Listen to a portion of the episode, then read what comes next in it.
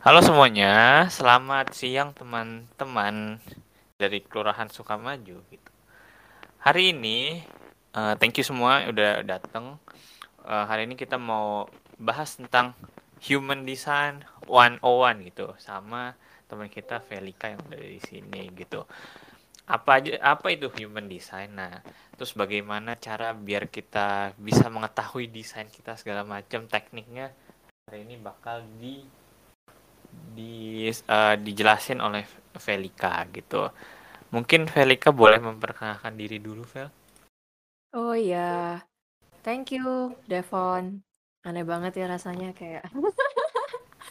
Oke, okay, halo semuanya. Uh, supaya lebih akrab ya, kenalan dulu.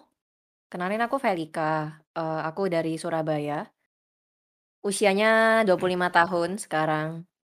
Nah, terus, um, aku sehari-harinya kerja di bisnis asuransi. Uh, lucu ya kok bisnis asuransi terus saya tahu human design gitu.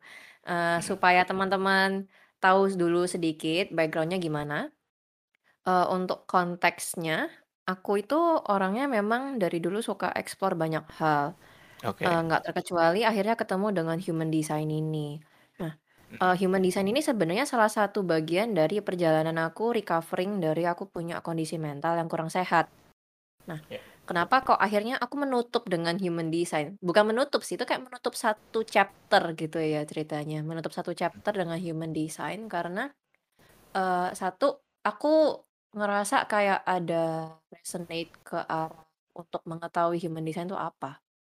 Hmm. Terus habis itu juga setelah aku ulik sendiri dulu nih. Jadi gini, uh, yang akan aku lakukan hari ini, yang akan aku share itu juga sebenarnya adalah apa yang aku alamin ketika aku ngulik dulu human design di awal. Karena, uh, sebenarnya human design ini sesuatu yang kalau kita tahu di waktu yang tepat, atau mungkin aku bisa bilang di waktu yang berbeda, di musim hidup kita yang berbeda, itu akan punya efek yang beda gitu loh maksudnya. Jadi, bisa dibilang uh, ada satu kesiapan gitu loh, kayak kesiapan diri ketika memang kita ada apa, di saat yang kita perlu untuk tahu human design itu, itu akan bawa satu efek gitu. Seperti itu sih. Nah, kebetulan waktu itu di musim hidup yang tepat, aku memang merasa kayak, "Kenapa ya kok aku tuh sering ngalamin hambatan yang kayaknya berulang patternnya kayak gitu loh. Jadi, uh, setelah aku ulik sendiri dulu human design tuh kayak apa, aku hmm. bisa expect apa dari situ, apa yang akan aku ketahui. Aku reading lah sama satu coach gitu. Jadi yeah. coach ini tuh beda ya. Saya bukan coach uh, reader human design sebenarnya. Aku ini self taught. Aku tuh belajar sendiri kayak gitu. Jadi aku belajar sendiri. Uh, pertama cuman memahami human design sendiri aja kalau mau nanti teman-teman tahu lebih lanjut, di sini aku cuman kayak pengantar aja, aku sharing aja, aku sudah ngalamin apa. Kalau nanti teman-teman ada yang mau reading lebih lanjut, aku sarankan ke uh, reader yang spesialis ya, karena uh, aku juga nggak akan nge-spill semuanya di sini.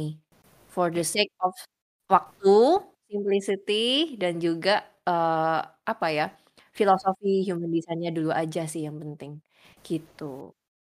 Oke, thank you Vel untuk untuk perkenalan singkatnya gitu. Jadi karena ini journey ya salah satu uh, journey dari Velika gitu lah ya. Jadi mm. bisa di sharing lagi karena dari pengalaman gitu. Nah mm. sekarang kita langsung aja nih gitu.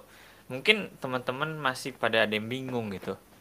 Kalau pertanyaannya apa sih human design itu gitu loh. Dari tadi ngomongin mm human design mungkin belum kebayang kali gimana apa apa ini nah ini ada kayak ada pertanyaan juga nih dari yang kemarin uh, pas uh, gue buka thread ya dari N mm-hmm. Fernandez gitu kalau untuk reading uh, human design apakah kayak kayak tarot atau apa gitu mungkin kita juga kepikiran ya kalau yang belum tahu kayak apa ini kayak astrologi kah atau kayak tarot kah atau atau kayak pace yang kemarin Madam Jess uh, sharing kah gitu atau gimana?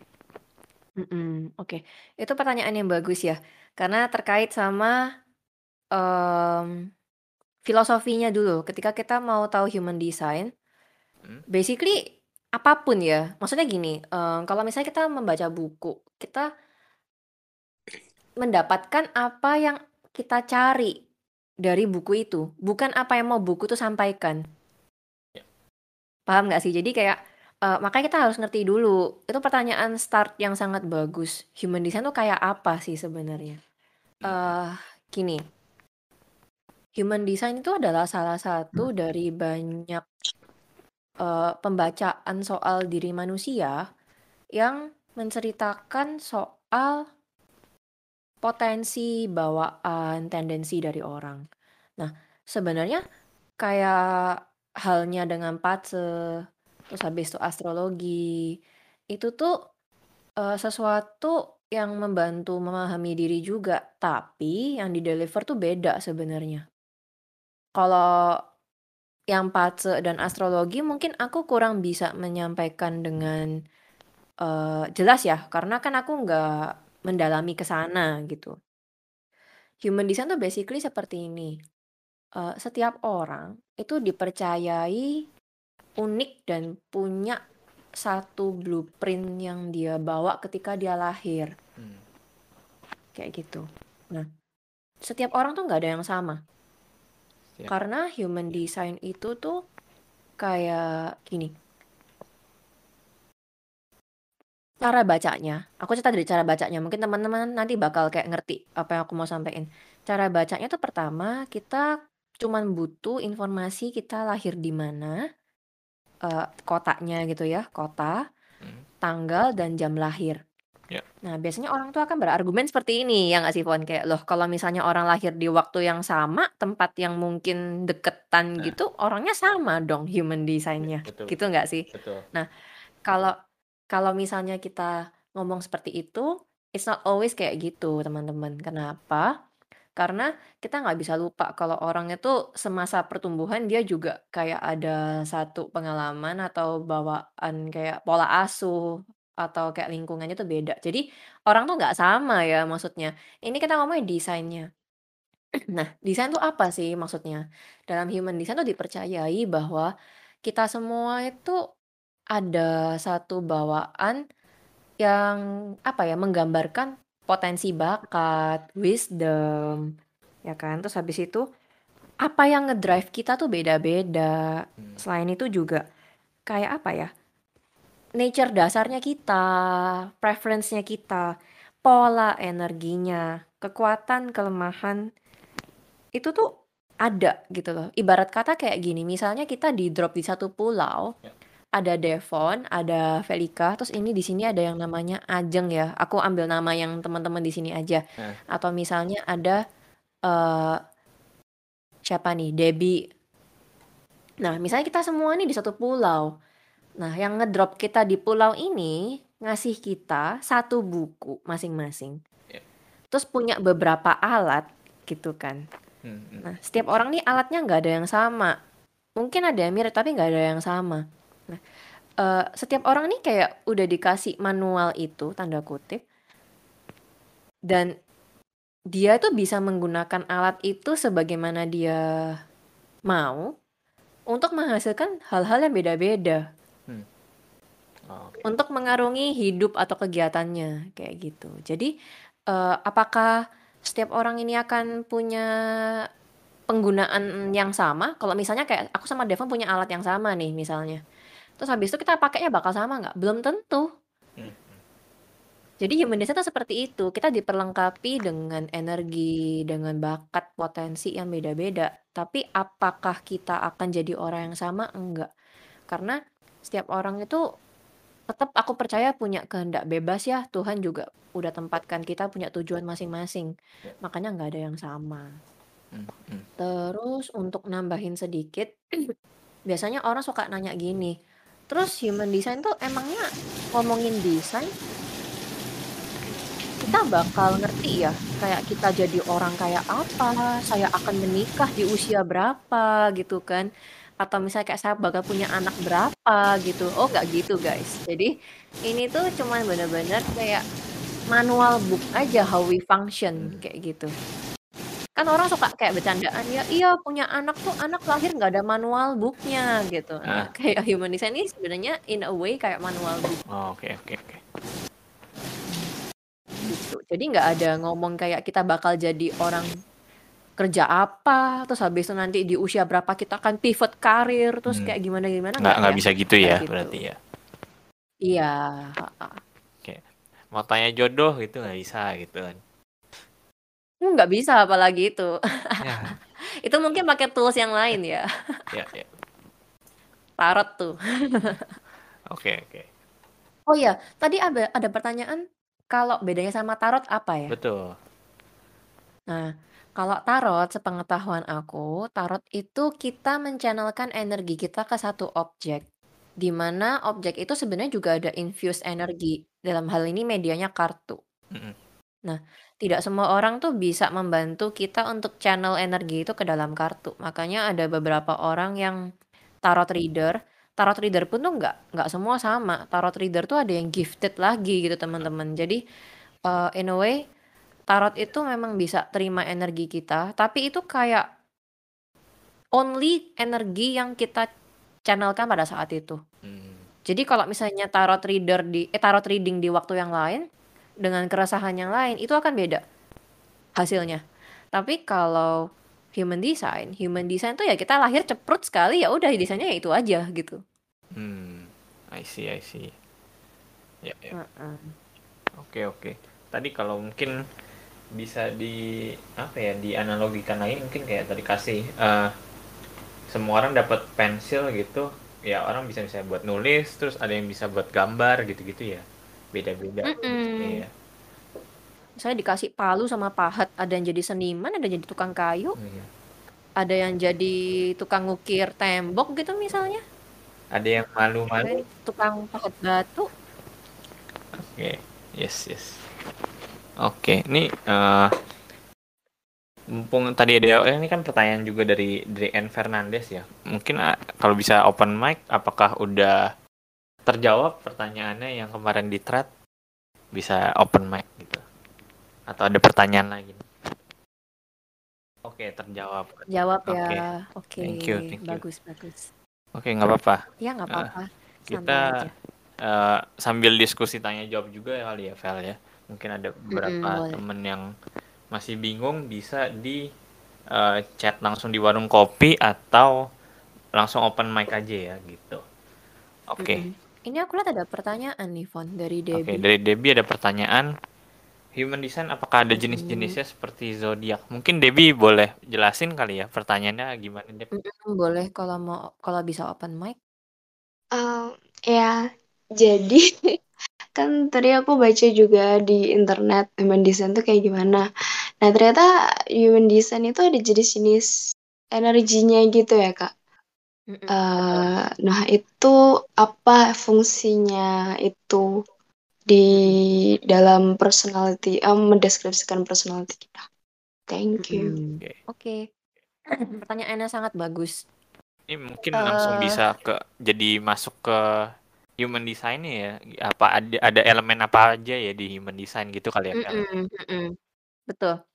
Eh, ini aku jawabnya tolong bersabar. Eh, aku akan sampai ke bagian yang tadi jenis-jenisnya karena eh, human design ini cukup kompleks ya. Kalau kita ngomong jenis-jenis ini, aku rasa yang Debbie maksud nih kalau Debbie baca itu yang tipe energi kayak ada lima tipe energi itu ya, aura energi ya, betul.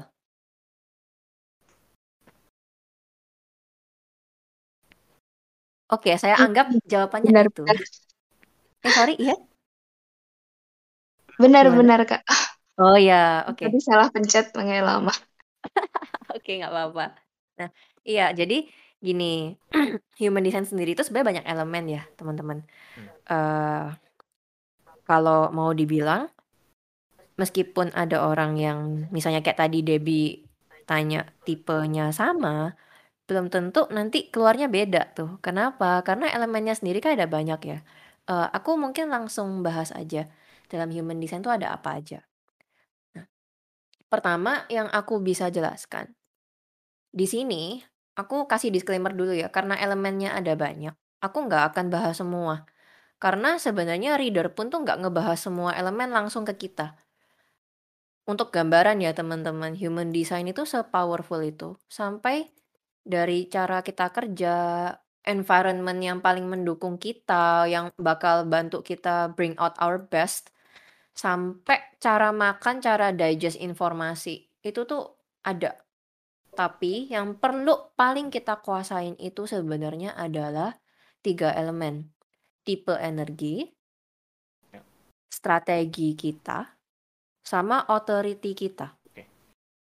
Mungkin dijelasinnya tiga itu aja kali ya, Vel. ya? Kalau aku bonusin satu nggak apa-apa sih sama Oke, profilnya. boleh. Nah, juga. Profile itu yang jadi 3 plus 1 ya di sini filosofinya 3 plus 1 gitu.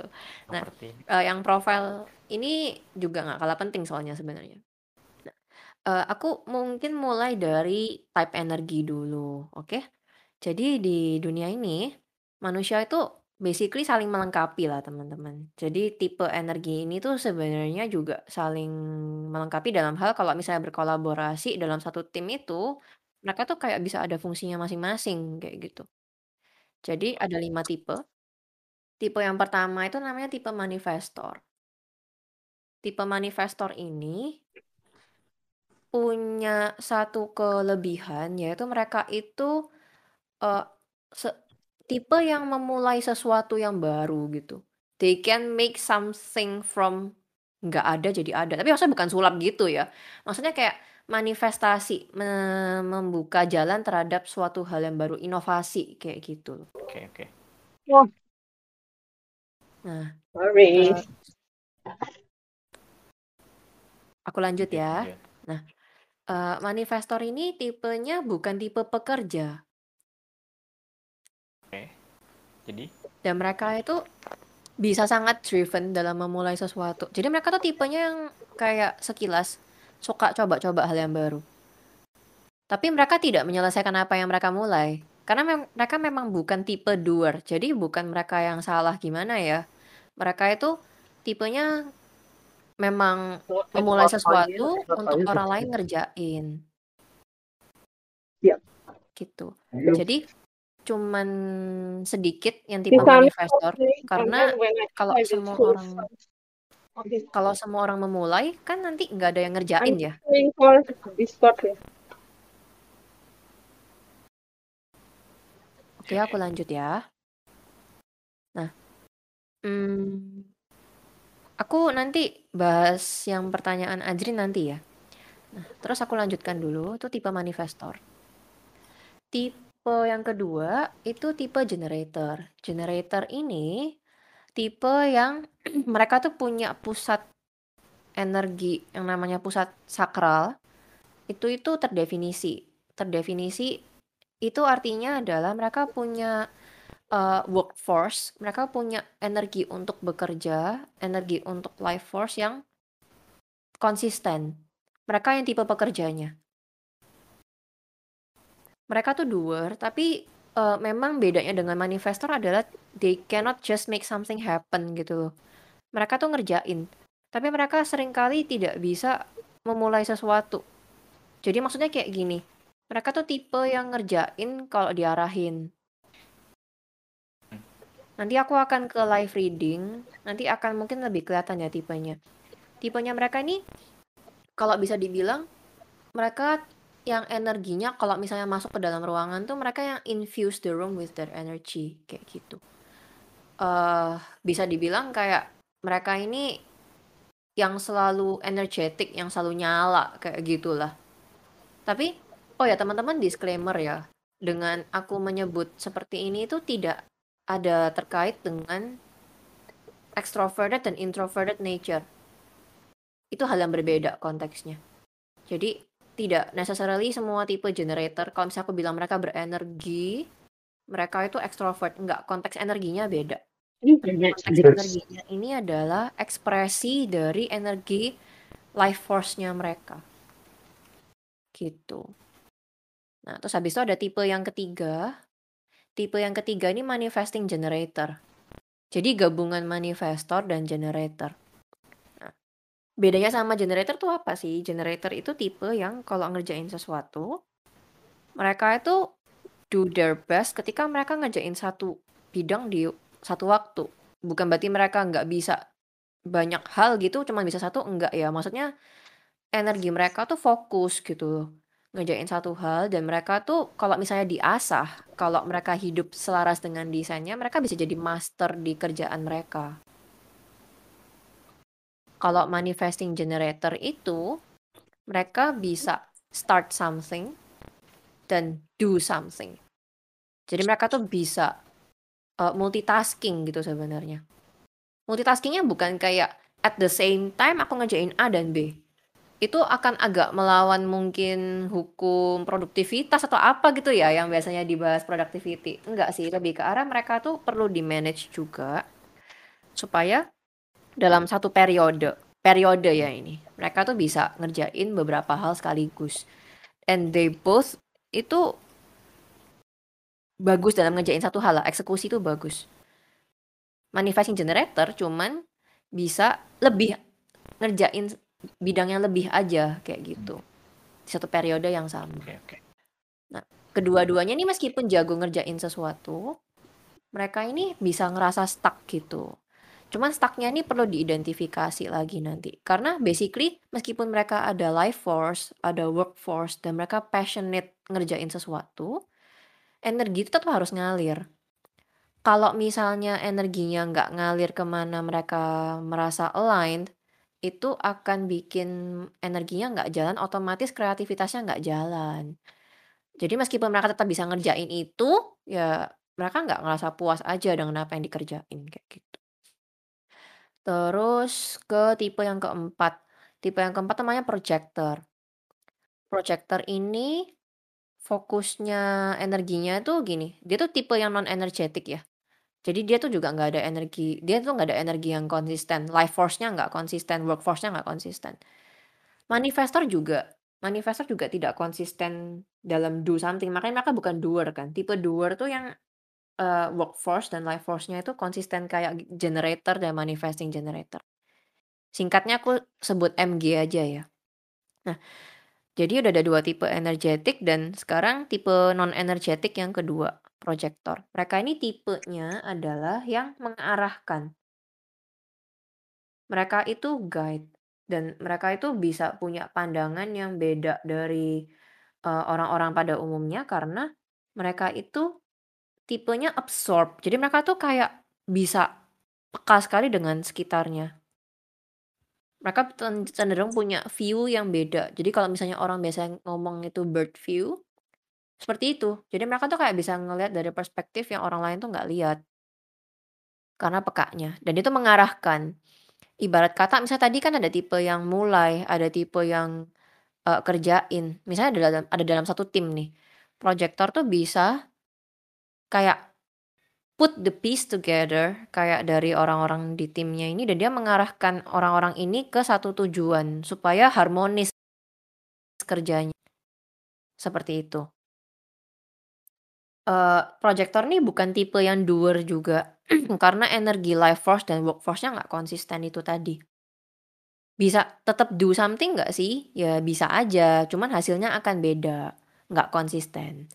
Bisa jadi mereka berusaha memulai sesuatu, tapi tetap mereka nggak bisa mengakhiri itu juga, karena nggak kayak nggak jalan aja gitu. Dan itu bukan salah mereka ya, maksudnya kayak memang uh, dia butuh bantuan orang lain untuk untuk do something. Biasanya mereka cuma ngarahin resource aja kayak gitu. Ke tipe yang terakhir, tipe reflektor. Tipe reflektor ini unik, sangat jarang di dunia. Jadi kalau misalnya kita ngomong, nanti aku akan jelaskan soal body graph ya. Jadi di human design tuh kita kalau generate chartnya akan dapat body graph. Reflektor tuh yang semua pusat energinya kosong, tidak terdefinisi. Jadi kenapa kok mereka seperti itu? Uh, maknanya adalah mereka tuh merefleksikan apa yang ada di sekitarnya.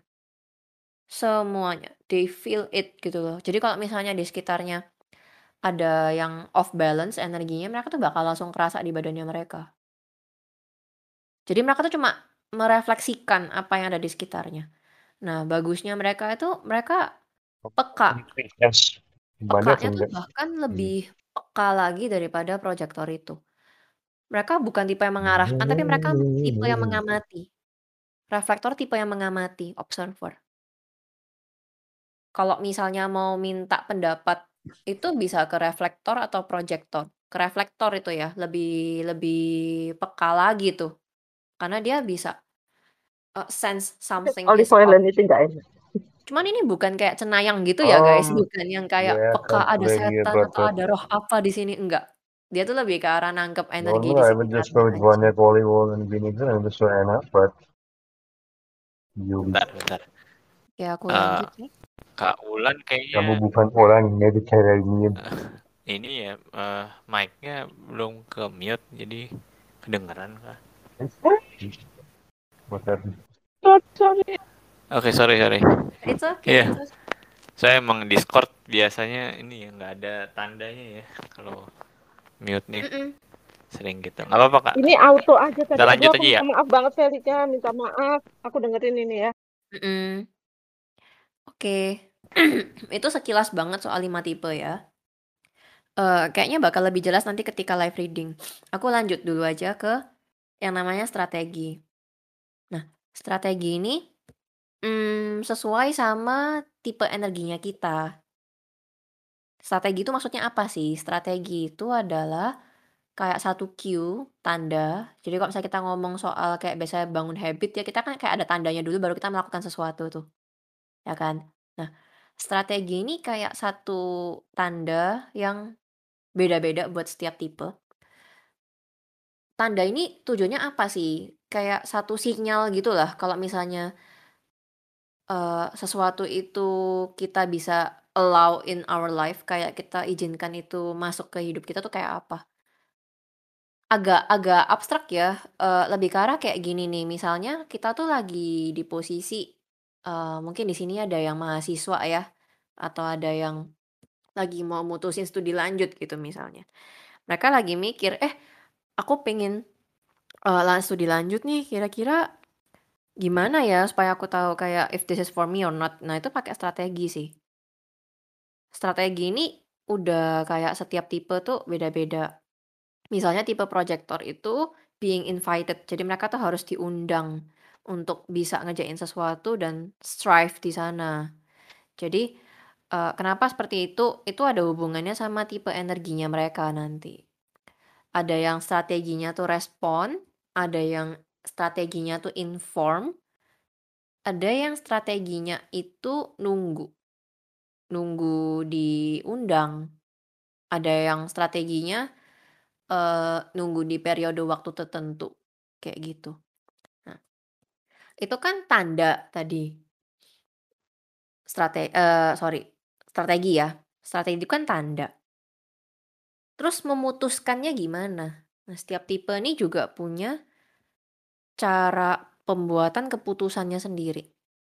Nah, aku mau tanya nih sama teman-teman, ada nggak yang pernah dengar kalau bikin keputusan itu mbok ya dipikir gitu maksudnya. Di di critical thinking atau misalnya di logika atau misalnya ada yang kayak lagi cerita sama temennya terus bilang ikutin aja kata hati lu. Nah, aku mau kasih chat ini ya. Oke. Bisa di-react mungkin kalau teman-teman yang pernah dengar ungkapan seperti itu, bantu tambahin aja reactionnya yang ada di chat itu. Oke, oke. Sering nggak sih denger? Lumayan banyak nih, Fel. Ya, lumayan banyak ya yang sudah ngerespon ya. Nah, oke, aku mau sharing dari perspektif human design bahwa di human design itu tidak semua orang diperlengkapi untuk membuat keputusan dengan logika atau ikut kata hati, apa pun definisinya ikut kata hati. Karena apa? Eh, di human design itu kalau kita lihat di body graph ya, teman-teman kalau misalnya udah pernah nge-google soal human design, itu kan ada kayak bentuk chart body graph namanya, yang ada sembilan bentuk geometris, ada segitiga atas bawah kayak panah naik turun yang di lift itu ya, yang di bagian kepala, ada kotak yang di bagian leher, ada diamond yang di tengah, terus ada dua kotak di bawah, dua segitiga di kanan kiri, sama ada segitiga kecil di Ini tengah. Itu namanya body bisa graph ya. googling kali ya, Fel ya. Setiap Kalau body mau lihat ya. Mhm, bisa di-googling aja karena udah cukup umum di Google. Nah, terus setiap pusat ini namanya pusat energi ya, ada 9. Setiap pusat energi ini ada temanya masing-masing. Nah, kalau misalnya orang itu punya pusat energi yang terdefinisi, itu akan berwarna nanti bentuknya. Tapi kalau misalnya nggak terdefinisi, itu nanti akan putih warnanya. Gitu dulu ya, bentuknya dulu. Kita nggak ngebahas angka-angka yang di sana. Ya, terima kasih Debbie udah dibantu kirimin. Exactly seperti itu yang ada di sana. Nah, semua orang itu nggak sama bagian yang terdefinisi dan tidak terdefinisi. Untuk gambaran dulu, kalau terdefinisi artinya energi di pusat itu konsisten. Tapi setiap energi, pusat energi itu juga ada kayak degree of strength-nya gitu ya, ada kayak kekuatannya. Jadi satu center tuh bisa overpowering center yang lain. Makanya setiap orang tuh punya satu pusat yang reliable dalam membuat keputusan. Dan nggak semuanya bisa dijustifikasi dengan logika. Nah, aku disclaimer ya teman-teman, ini tidak menjadi excuse kalau orang itu bisa bikin keputusan semaunya juga. Ingat, setiap keputusan itu ada konsekuensi. Setiap keputusan itu juga ada nanti guidance pertanyaan-pertanyaan yang cocok buat teman-teman semua. Dan pertanyaan-pertanyaan yang mau kita jawab tuh sebenarnya kan mengarahkan kita ke satu titik tuh, di mana itu sebenarnya udah up to kita sih, kita cuma diperlengkapin sama alatnya. Itu yang aku maksud tadi, makanya setiap orang bisa mungkin punya alat yang sama, tapi hasilnya akan beda. Kayak gitu ya. Nah, itu soal uh, authority, ada authority ini. Cara pembuatan keputusan ya. Bisa dengan bantuan gut feeling, bisa dengan bantuan splenic, bisa pakai emotional center, bisa pakai ego atau willpower center, bisa pakai mental authority atau biasa orang ngomongnya pakai ini ya pikiran ya. Talk, talk it out sih biasanya. Udah ada berapa tadi itu? Aku sebutin. Splenic, gut, emotional, ego, mental, terus habis itu ya environment sih. Tapi itu agak-agak nggak umum. Uh, itu nanti lebih jelasnya di live reading aja ya, supaya lebih ada konteks karena uh, lagi aku nggak di sini untuk ngejelasin terlalu detail ya teman-teman. Soalnya uh, seharusnya ini memang ada standarisasinya dan aku lebih bisa ngejahit kalau apa ya uh, human design ini akan ada bunyinya kalau setiap hubung setiap elemen tuh dijahit gitu loh. Ada ceritanya. Nanti live reading akan lebih jelas deh gitu. Jadi tadi ada authority satu dua tiga empat lima enam Ada self projected authority juga. Itu yang agak-agak unik sih. Aku nggak terlalu ada enam authority cara pembuatan keputusan.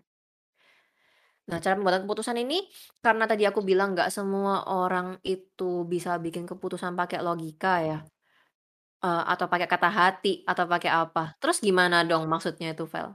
Uh, nanti di chart human design itu akan ada sih.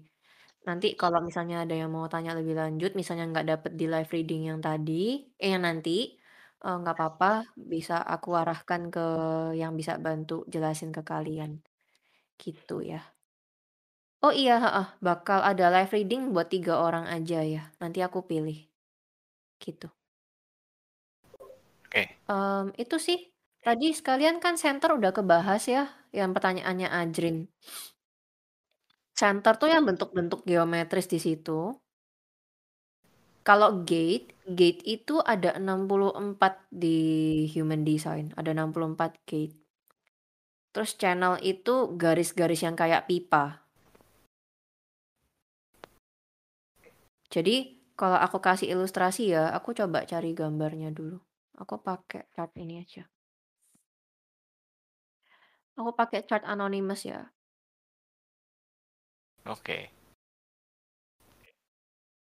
Mungkin sambil ditunggu ada yang mau punya ada yang mungkin punya pertanyaan soal yang tadi aku udah Atau tadi jelaskan. Debbie udah jelas kah pertanyaannya?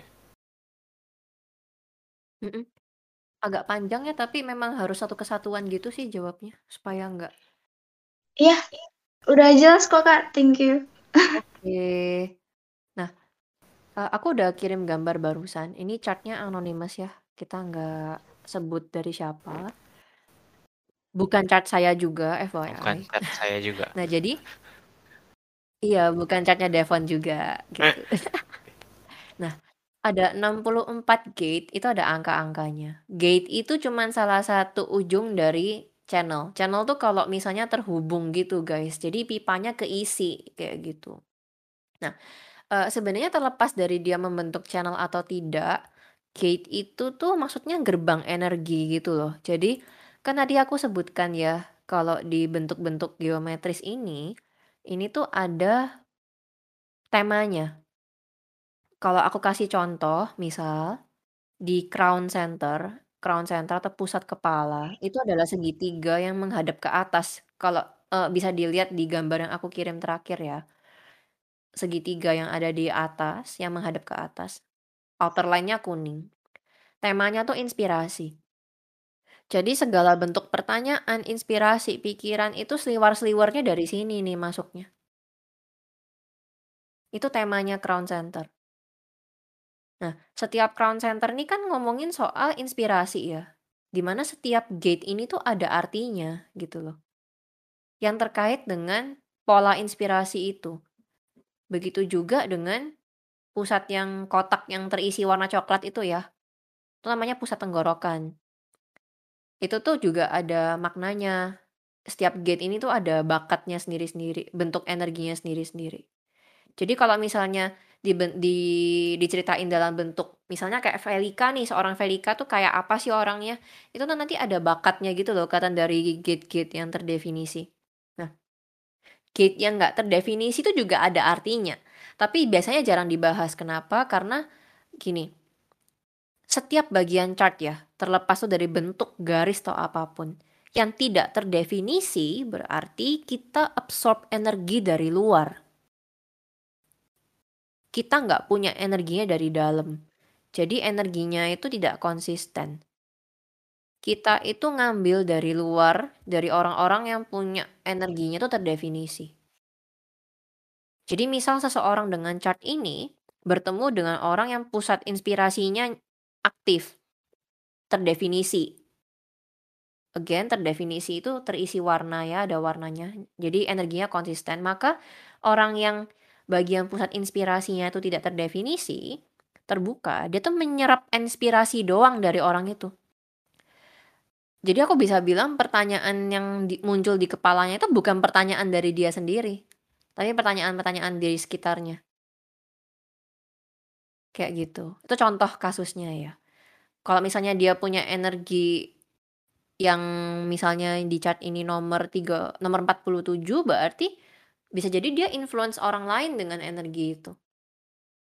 Kayak gitu sih simpelnya. Nah, makanya human design ini jadi unik kalau misalnya kita gabungin satu tim gitu ya. Kita baca tuh bareng-bareng mereka itu human design-nya kayak apa sih sebagai satu tim itu akan jadi bunyi yang beda lagi daripada reading satu orang. Gitu. Oke.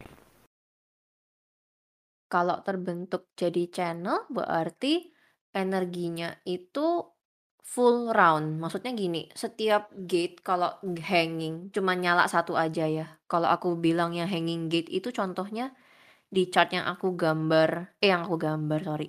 Di chart yang aku kirim. Kalau misalnya teman-teman lihat itu kan ada kotak di teng kotak yang warna coklat ada angka 16 tuh. Nah, 16 sama 45 itu kan cuman menjuntai keluar satu tapi ujungnya nggak ada warnanya kan. Itu namanya hanging gate. Nah, itu dia setiap gate itu kayak punya apa ya?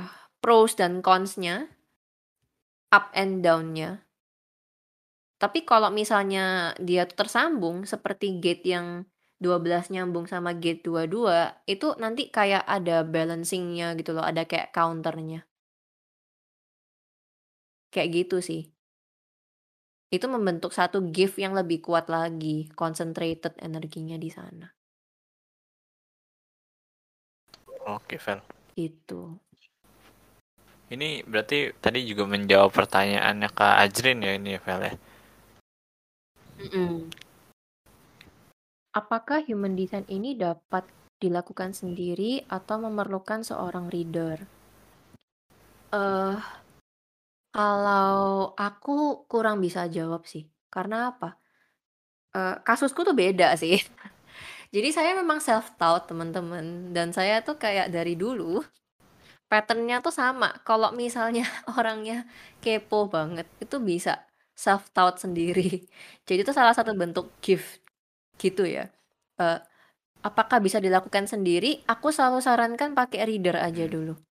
Karena gini loh teman-teman, membaca human design dengan filosofi awal yang nggak tepat, itu akan membuat human design itu kehilangan maknanya yang seharusnya membantu Jangan sampai jadi validasi diri sendiri. Itu selalu jadi filosofi reading semua hal. Makanya kita filosofinya harus benar dulu. Makanya aku bisa bilang human design itu bisa jadi belum tepat saatnya buat kita. Atau mungkin seseorang apa ya, memang perlu waktu yang lebih lama aja untuk bisa sampai benar-benar memahami human design-nya seperti apa. Kalau aku sih sarannya pakai reader. Kenapa? Karena reader itu pihak yang netral dan ngebacainnya itu tidak ada konteks pemahaman seperti kita paham diri kita. Jadi objektif gitu loh maksudnya, nggak subjektif. Nah, kenapa kok aku bisa baca sendiri dong gitu loh? Ya karena saya belajarnya juga awalnya belajar chart sendiri sih. Aku nggak belajar chartnya orang lain. Jadi aku belajar sendiri itu untuk kayak lebih paham gitu. Dan yang aku pelajari itu pun tuh bukan gate-nya sendiri-sendiri gimana-gimana ya. Akhirnya setelah aku belajar semuanya, yang aku fokuskan tuh jadi kayak gini. Oh, ternyata human design tuh yang penting aku tahu tipe energiku, cara manfaatinnya, dan gimana caranya aku bisa mengasah cara pembuatan keputusanku. Itu sih yang penting. Makanya nggak semua elemen di human design itu bisa kita ambil semua langsung di satu waktu. Apalagi kalau kita cuman comot satu bagian, tapi nggak ada konteksnya dikaitkan dengan bagian yang lain. Wah, salah besar sih kalau aku bilang ya. Karena semua bagian tuh berkaitan gitu loh.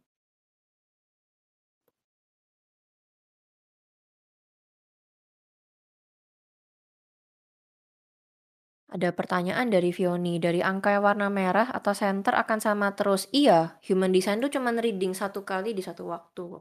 Karena desain itu kan ya udah sekali lahir aja. Kita nggak mungkin berubah waktu lahirnya soalnya. Gitu. Oh enggak. Jadi setiap orang akan punya center yang selalu sama dan FYI manifestasinya bisa beda loh. Karena kita kalau misalnya udah dewasa tuh kan makin banyak proses pengkondisian hmm. hidup ya. Jadi nanti itu akan punya kesan yang berbeda lagi. Gitu. Mau ganti tanggal lahir nggak bisa ya, Vel? Ya? Sayangnya nggak bisa sih, Fon. Ulang lahir. Siapa tahu mau tanggal kembar supaya setiap kali ulang tahun temennya beliin kado murah gitu. Nggak bisa, guys. Sayang saya tanggal kembar gitu. tanggal kembar berarti nanti dibeliin kado biar murah iya. oke okay. Hanya ulang tahun 11-11 gitu. Itu kan Shopee sama Tokopedia banyak tuh promonya ya. Nggak bisa. Oke, okay, hmm. gitu. Kira-kira ada yang mau ditanyakan hmm. lagi mungkin? Kalau atau mau langsung Kalau belum ada yang nanya, gue jadi menanya, Vel. Apakah ini Oke, nah, nah ini nggak tahu ya apakah bisa dijelasinnya langsung ke praktek atau enggak. Nah, eh, gimana sih eh mungkin ini dulu deh. Kenapa kita perlu mengetahui gitu loh atau kita perlu mempelajari si human design gitu. Pertanyaan uh, ini pertanyaannya asik, jawabannya agak nyebelin. Nggak perlu-perlu banget. Oh iya. Kalau Gini, perlu ketika kita itu uh, makanya aku bilang mungkin nggak buat uh. semua orang ya. Ada kan yang nggak semua kan nggak semua orang seumur hidup bakal tahu ada kata human design gitu ya. Eh, maksud aku lebih kayak gini sih. Kalau human design itu sendiri sangat membantu ketika kita tuh pengen hidup makin selaras dengan desain kita.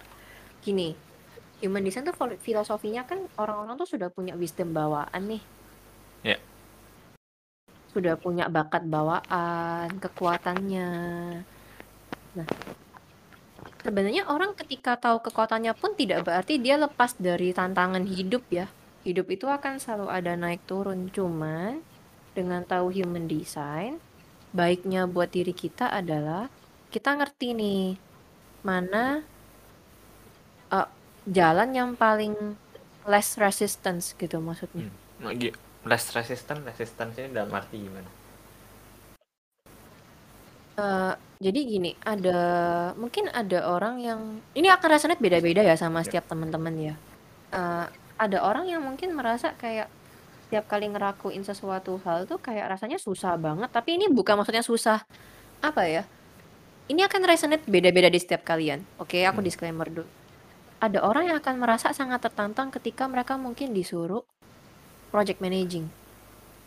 Oke. Karena memang ternyata dia bukan tipe doer Hmm. misalnya.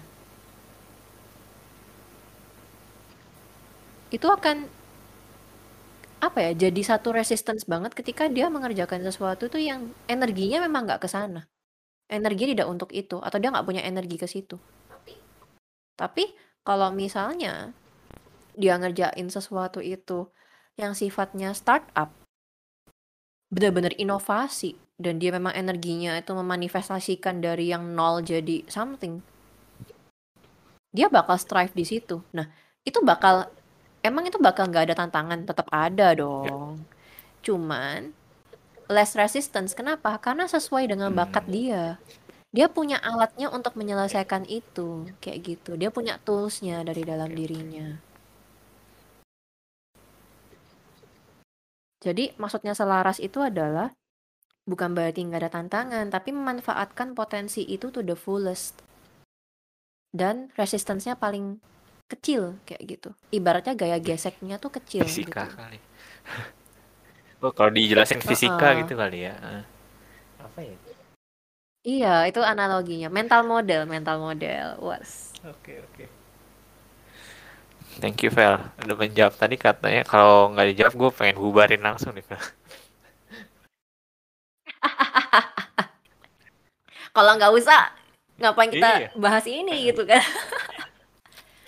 Oke. Gitu. Oh ya, Ajeng mungkin yang masih mencerna, eh, apakah ada yang bingung? Kalau bisa open mic langsung open mic kalau mau ditanya. Gitu. Mm-mm. Eh, tuh. Um, Ah. halo Oke, Mbak, oke. Ada dua nih. Siapa duluan nih? aku sebenarnya Oke, aku Eh, yang Ajeng dulu boleh ya? Nanti Ajrin boleh open mic. Karena namanya di atas gitu, alfabetik. Maaf guys. Iya silakan. um, Eh, aku ini siapa masih? Kajeng dulu, Kajeng dulu. siapa Ajeng dulu dulu boleh ya? Oh, iya. Oke, Ajeng dulu ya. Silakan. Oke.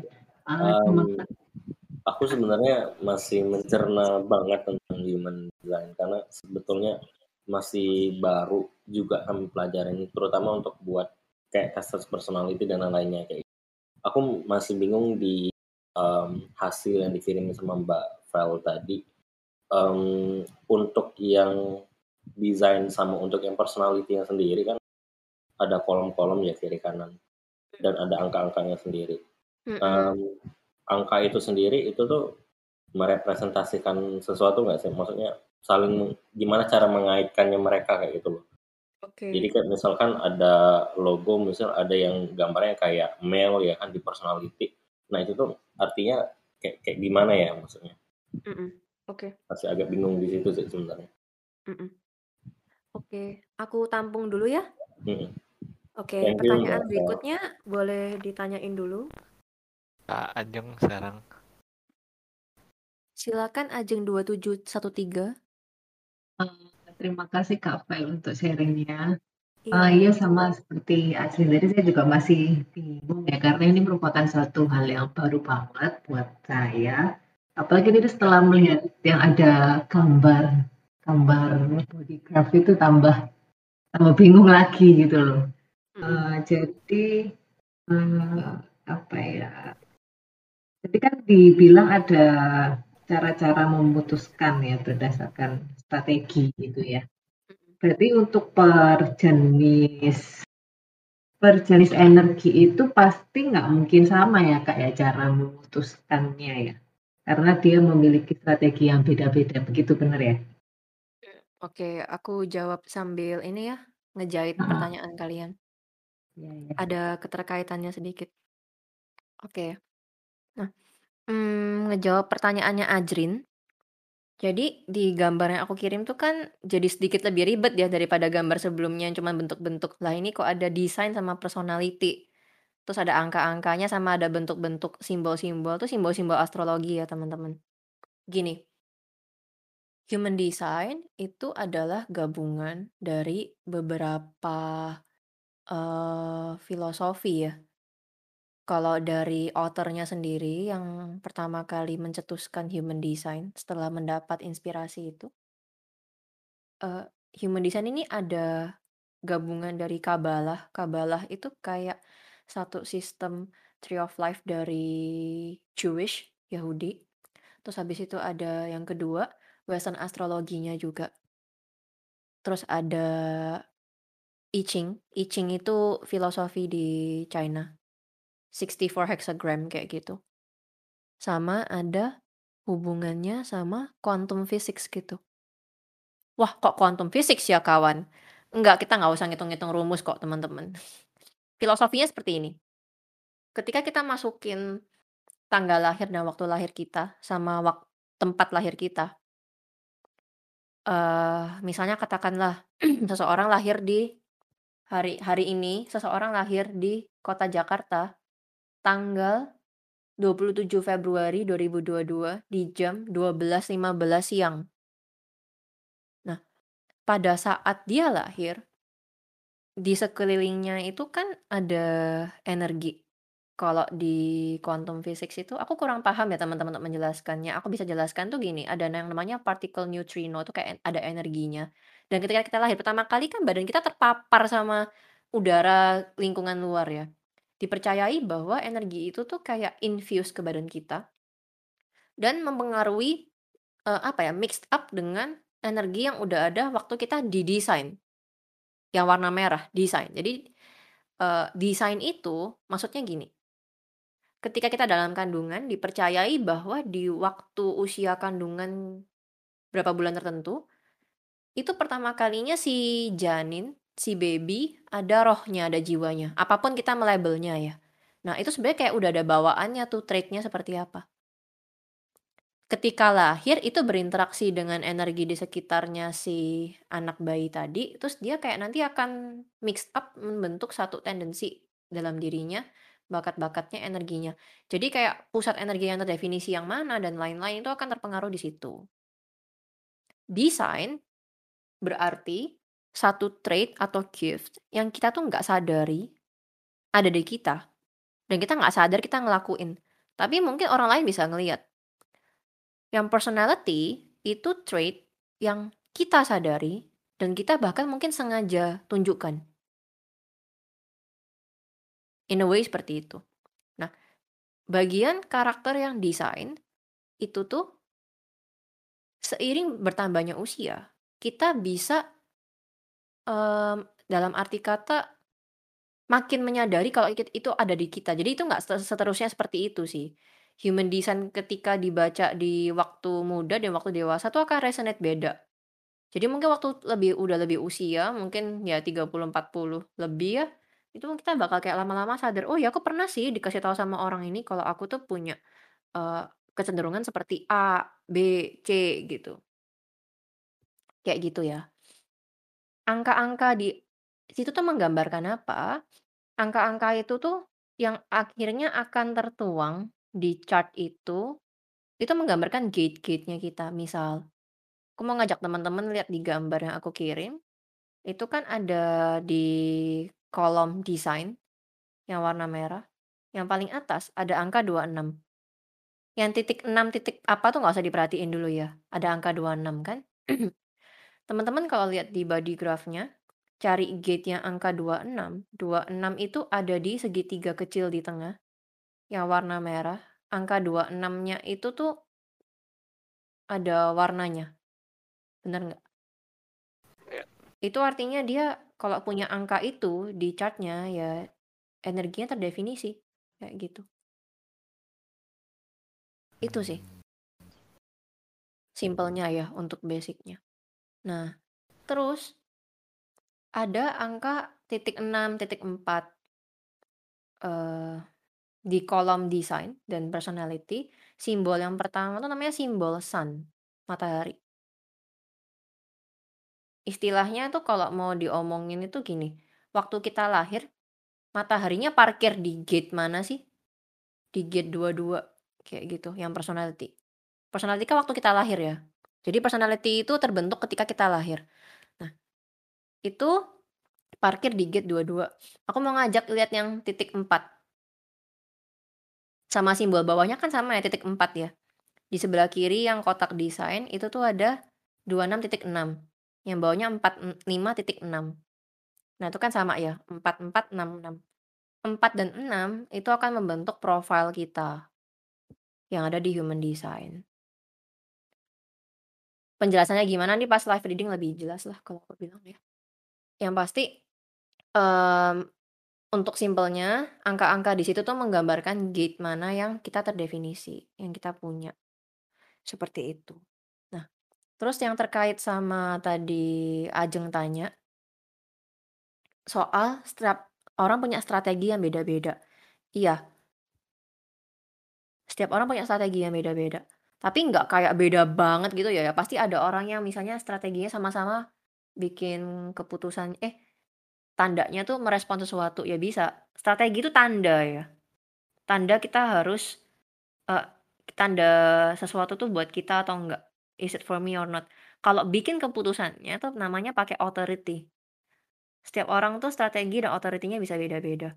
Dan itu gimana taunya sih? Salah satunya itu pengaruh timing lahir. Timing lahir tuh menentukan, uh, pusat energi kita yang terdefinisi yang mana, gate-nya yang nyala yang mana, ini yang terdefinisi, dan lain-lain. Nah, itu nanti akan menentukan juga tuh. Makanya berkaitan tadi pertanyaannya yang pertama dari Ajrin sama pertanyaan dari Ajeng. Setiap orang tuh bisa punya hal yang beda. Dalam dalam hal yang kayak gini, biasanya, uh, energi yang paling reliable untuk kita bikin keputusan, itu biasanya di pusat energi yang terdefinisi yang berwarna. Kalau segit tapi itu kayak nggak semua tiga-tiganya nya kepake atau semuanya, uh, bakal ngebantu bikin keputusan, enggak. Cuman ada satu yang paling reliable, kayak gitu.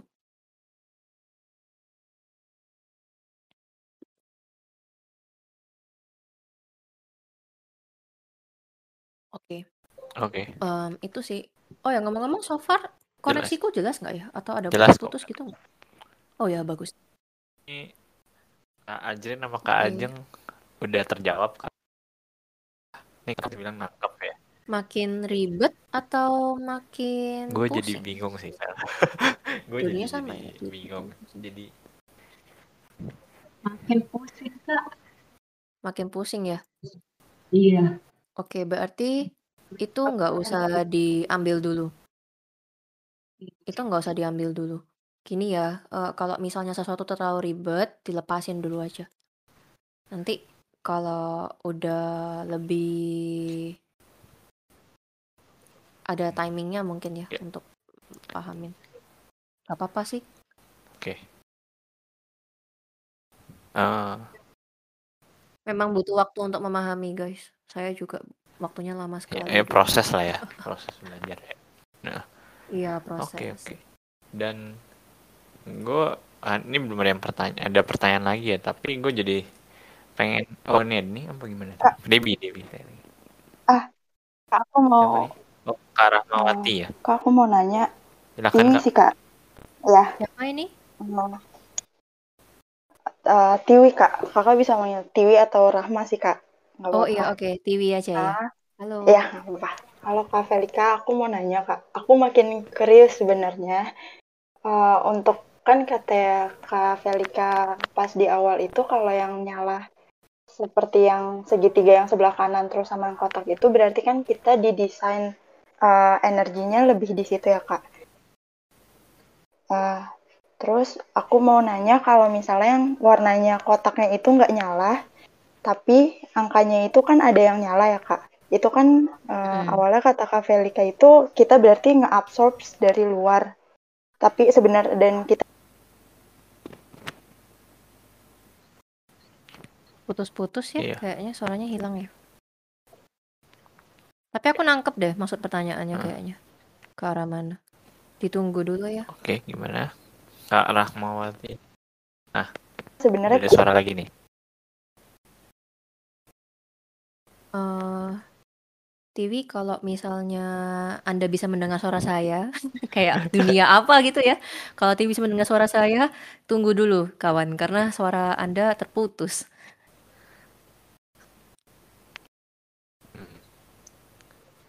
Mic-nya masih nyala sih, mungkin koneksi ya.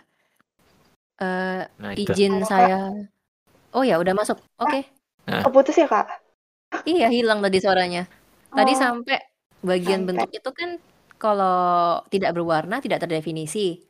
Ha-ha. Tapi ada angkanya yang bisa yang terdefinisi itu. nyala Gitu kan? iya ada ada iya ada yang nyala terus ada yang sama sekali di kotak yang eh, nggak ada angka sama sekali yang nyala dan desainnya Ha-ha. juga nggak nyala gitu kan kak itu apakah Iya. kalau yang nggak nyala semua itu kita berarti nggak punya energi di situ sama sekali atau gimana kasih kak Oke. Felika Itu good question banget ya. Thank you untuk pertanyaannya.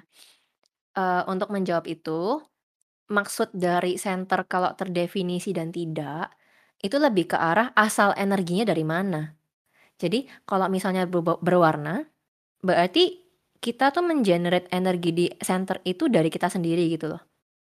Bukan berarti kita nggak punya energinya. Kita bisa punya energi kok, cuma saya minjem aja dari orang lain. Nah, itu kan kalau misalnya terbuka senternya, tidak terdefinisi, itu kan saya ngambil energi dari luar. Kayak gitu. Makanya eh bisa dibilang energinya nggak konsisten. Aku lebih prefer bilang energinya nggak konsisten sih daripada bilang kita nggak ada energinya. Karena kita bisa kok punya energi di situ, temanya bisa jalan, tapi kita memang butuh pinjem dari orang lain. Dan itu sebenarnya ada keunggulan masing-masing kalau misalnya pusat itu terdefinisi atau tidak. Human design kita tidak membuat kita berarti good, better, worse, atau the best gitu enggak ya. Setiap orang itu beda-beda. Dan desain yang terbaik itu adalah kalau kita makin selaras dengan desain itu. Karena tidak ada desain yang terbaik. Kayak gitu. Bagaimana? Kak Rahmawati kah? terjawab. Ramawati Eka Pratiwi is Oke. typing. iya kak ah Oh, iya oke.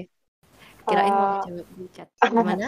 agak kejawab kejawab kok kak Eh, tapi yang masih aku bingung yang berarti nggak masalah ya kak untuk yang eh, kotak-kotak yang merah tuh yang nyala kayak nomor 5 nyala tapi kan kotak tempatnya nggak nyala ya kak terus sama Mhm. yang di kotak yang 4, 8, 5, 7 dan semuanya kan itu sama sekali nggak ada yang nyala berarti nggak ada masalah sama sekali ya kak kayak Oh, nggak ada masalah, nggak ada masalah. Desainnya itu nggak bermasalah.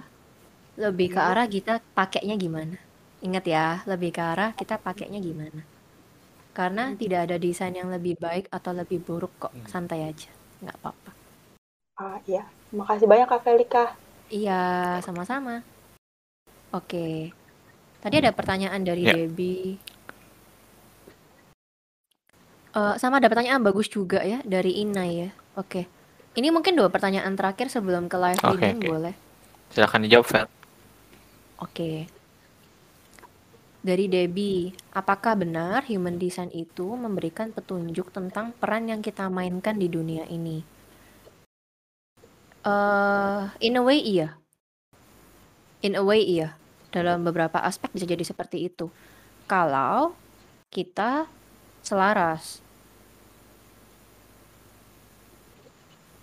Jadi gini, hmm, bentar, kayaknya ada yang noise-nya gua, masuk ya. ntar mute. Oh iya, benar Devon. Tadi mungkin mic-nya ya. Hmm, aku lanjutkan ya. uh, in a way iya, bisa menggambarkan peran yang kita mainkan di dunia ini. Kalau misalnya, uh, kita hidup sesuai tema itu ya, maka terjadilah kayak gitu peran kita. Lebih ke arah, uh, kalau kita nurutin ya desainnya. Kayak gitu sih. Apakah selalu seperti itu? Uh, in a way sebenarnya kebanyakan jadinya seperti itu sih. Cuman kayak bukan dengan hal yang kita bayangkan gitu. Misal misal, aku share ya tentang, uh, tema hidupku menurut Human Design. Tema hidup menurut Human Design-ku adalah rulership, yaitu memimpin. Nah, itu maksudnya apa sih? Kecenderungannya adalah Felika itu punya, uh, bakat memimpin. Nah, cuman aku share juga ya, ada masa di mana aku itu terkondisi dibilang, "Lu terlalu dominan, Vel." Nggak bisa lu kayak gitu gitu gitu. Nah, itu membuat aku tuh jadi kayak back off gitu loh. Aku back off, terus abis itu kayak aku malah tidak menunjukkan kecenderungan leadershipku. Padahal aku tuh punya aura leadershipnya. Terwujud nggak? Enggak. Nah, apakah aku merasa damai sejahtera ketika aku tidak menggunakan gift itu? Oh banget. Karena energi itu harus disalurkan gitu loh maksudnya. Kalau misalnya kamu punya bakat leadership, kamu harus salurkan itu. Cuman dengan cara seperti apa, itu yang kita harus cari tahu. Apakah mungkin dengan aku bacain human design ini sebenarnya aku sedang memimpin orang ke hidup yang lebih baik? Bisa jadi. Apakah dengan aku di pekerjaan aku jadi leader yang baik, bisa membantu timku uh, sukses di pekerjaannya bisa jadi. Jadi kayak apa pun itu mungkin gitu loh. Cuman kalau misalnya kita semakin menentang itu tuh kayak semakin berat. Itu ibaratnya kayak ada angin dari depan itu ngehajar kita gitu ya. Eh jangan angin deh, air air. Misalnya lagi di sungai nih. Ada air yang arusnya deras banget. Nah, terus habis itu kita kayak ngotot, nggak bisa, aku mau ke arah sana pokoknya. Tapi akhirnya tuh kayak ngelawan kita terus gitu loh. Susah nggak sih? Susah. Bisa nyampe tujuan nggak? Bisa aja. Nggak ada yang bilang kalau kita ngelawan arus nggak bisa sampai tujuan. Cuman ya balik lagi. Susah nggak? Susah. Capek nggak? Capek gitu. Gitu ya. Analogi yang paling tepat itu sih menurutku. Kalau selaras kan kita bisa mungkin, oh aku manfaatin gini deh, aku go upstream ke hulu sedikit, kan aku mau ke titik yang di ujung, uh, sungainya kan yang di bagian mana gitu, ya udah aku jalannya agak jauh dikit, nanti manfaatin arusnya supaya aku bisa sampai ke tujuanku. Nah itu kan pinter tuh, sesuai dengan apa yang kita punya. Seperti itu, Deb. Uh, halo Kak, apakah terdengar? Iya, dengar. Iya. Oh ya, soalnya Tadi itu aku juga baca. Nah, tentang peran yang kau mainkan itu katanya sesuai dari 12 profil diri. Nah, 12 profil diri itu uh, apa ya? Oh, profile maksudnya. Oke. Okay. Kalau profile itu lebih ke arah yang disebut orang umumnya kayak personality trait yang paling kelihatan. Tapi ini kayak kesa gampang kesaru sih teman-teman. Nanti di setiap elemen tuh ada bagiannya sendiri-sendiri. Karena kalau kita mau personality kan tadi di chatnya ada yang desain personality, tapi kalau misalnya aku bilang profile to personality, bingung lagi kan. Nah nanti abis ini langsung live reading aja ya, aku mungkin kasih konteks yang lebih jelas. Terus pertanyaan terakhir dari Inai. Untuk anak yang lahirnya sudah diputuskan lahir tanggal berapa dan jam berapa, jadi C-section ya, sesar gitu, apakah desainnya juga akan berubah?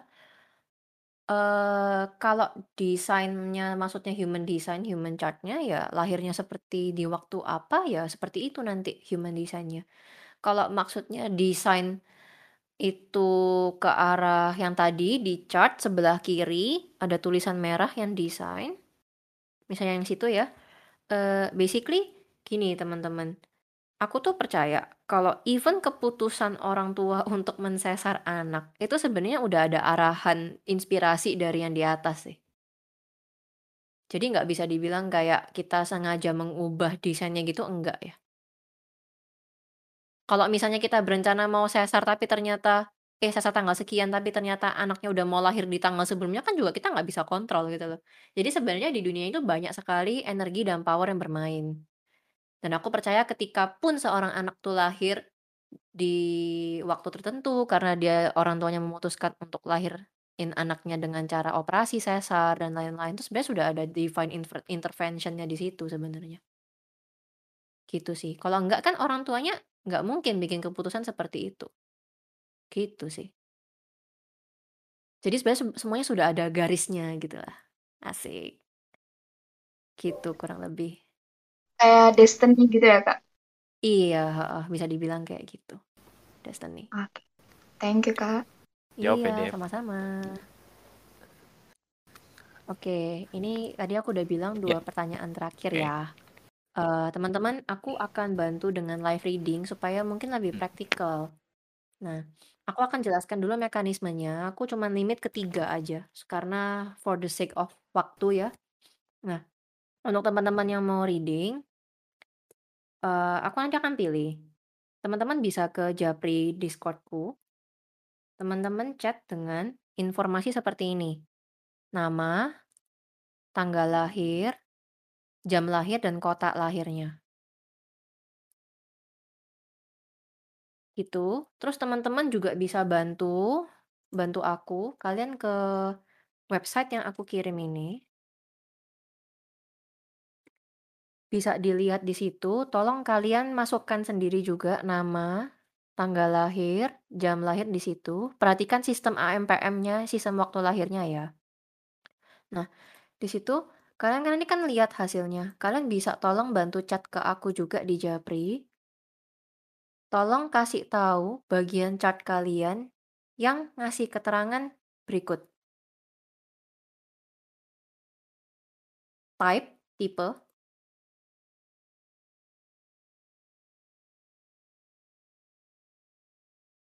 itu aja. Kasih tipenya kalian ke aku. Nanti aku pilihnya berdasarkan tipe. Supaya setiap tipe tercover. Teman-teman, ini cuman berlaku ke orang yang belum pernah reading sama saya. Dan yang belum pernah tahu sama sekali soal human Ya. design-nya. Nah, terus aku minta teman-teman yang berkenan, tolong supaya lebih ada konteksnya.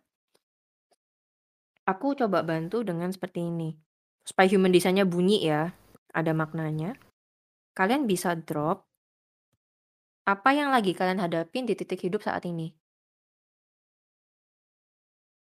Maksudnya gini, where you are at in life sekarang. Misalnya kayak kalian lagi di kondisi eh persimpangan atau misalnya ada kendala misalnya kayak iya kak saya kok sulit ya bangun kebiasaan gitu. Atau misalnya kayak gimana? Apa yang nggak selaras gitu. Eh, apa yang rasa aneh gitu. Boleh satu pertanyaan aja nanti aku coba jahit dengan itu. Gitu ya. Oke. aku tunggu dulu aku kasih waktu sampai 2.17 di jamku. 3 menit. Tunggu ketampung dulu DM Velika ya. Aku minum dulu ya guys ya DM Velika ya, jangan ditaruh di warung kopi ya. Jangan taruh di warung kopi. Oh, iya, tadi aku tuh lupa. Teman-teman nanti sebelum reading kita doa masing-masing dulu ya. Supaya apa yang kalian terima itu memang benar asalnya dari yang kuasa. Karena saya cuman alat di sini. Nanti apakah itu selaras dan resonate dengan kalian? Nanti tolong dibantu ya, kasih tahu ke aku. Oke. Gitu. Oke, aku kasih waktu dulu sebentar. Sekalian break dulu. Oke. Oke? Jadi teman-teman yang mau eh, live reading boleh di DM langsung ke Velika gitu. Kita tunggu sampai 14 17 ya tadi ya WIB. Yoi, bentar lagi. Aku lahirnya ya sesuai dengan local time ya berarti ya Vel nih. Ada pertanyaan dari Arianti. Mm-mm, local time. ini waktu lahirnya sesuai sesuai local time. Kalau misalnya di Wita, silakan masukkan waktunya di Wita. kalau waktunya di uh, WIB silakan sesuai di WIB. Jadi kalau misalnya lahirnya jam 8 di New York ya jam 8 tulisnya tapi kota di New York. Mantap. Eh, ketahuan deh. Lahirnya di mana? New York. Oke. Udah ada yang masuk, Vel? Oke. Oh, banyak banget. Silakan milih ya. Gue sambil ngomong-ngomong biar nggak ada nggak ini nggak diem-dieman aja. Mm-mm. Ya. Tadi mau nemenin ngobrol di sini. Sambil kayak Iya mungkin mau sharing kalian dapat apa tadi ketika Betul. saya berbagi makin bingung atau makin ribet boleh dikasih Ya. tahu juga silakan silakan Mau sharing sebentar. it's okay Oke. it's okay Guri temenin tapi temeninnya di chat. Enggak dong, gue kan sambil kerja. Ah. Oh iya ya minggu ya kuri kerja gur ya ampun Aku lebih suka lebih kerja suka ming- weekend sih. I mean, kereta kan Kayak kosong. dengerin podcast nggak gur Hah? kayak Aku dengerin juga Iya. Ya bener sih. Aku sambil ngejar klien. So like, oke. teman yang udah itu boleh ini nggak lebih detail fase hidupnya tuh Hmm. Wah, dia menarik kali kayaknya wow. deh dari Oke. suaranya Velika. Iya, aku aku lagi berusaha mencari ini ada yang unik banget soalnya. Serius. Dik. Maksudnya unik tuh karena aku tidak pernah Uh. menemukan cat kayak gitu aja sih. Tapi setiap orang unik ya, teman-teman. Jangan jangan salah paham. Tidak ada yang lebih bagus atau lebih jelek. Memang aku suka fascinated fascinated Ya. sendiri gitu sih. Pengen minta ini tapi nggak ah kapan-kapan aja.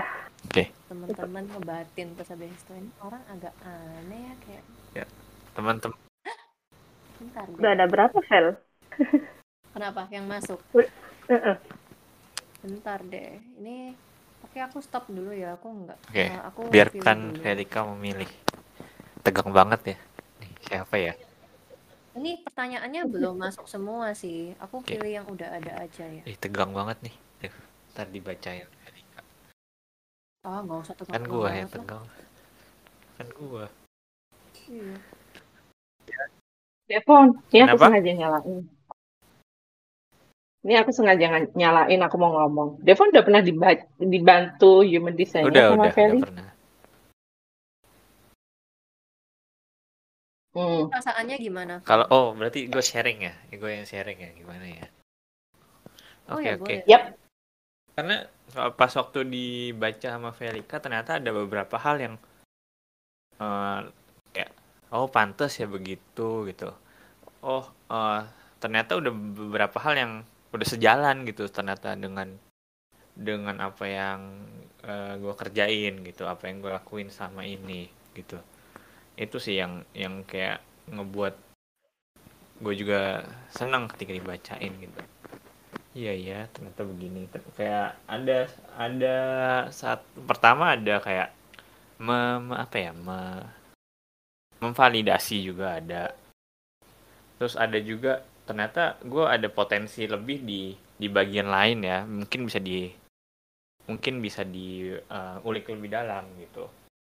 Atau ternyata eh, kayak apa sih eh, tunggu, kayak type-nya gitu kenapa misalkan lebih oke ketika misalnya nerima invitation gitu ketimbang nyari-nyari sendiri gitu itu yang yang gua eh, dapet sih gitu Mungkin mau cerita itu nggak, Fon?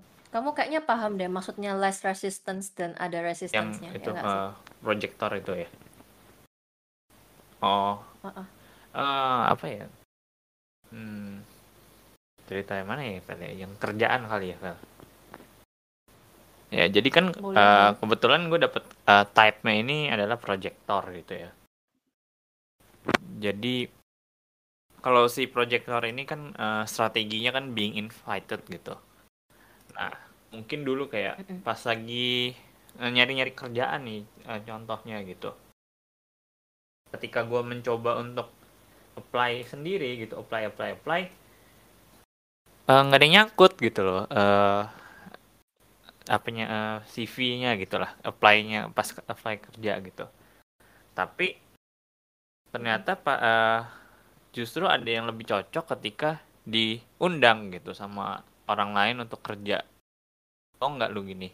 Mau nggak ikut uh, kerja bareng gua gitu misalkan gitu itu yang yang yang gua rasain sih itu.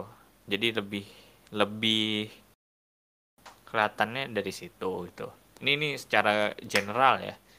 Mungkin kalau itu bisa lebih detail lagi sih ceritanya.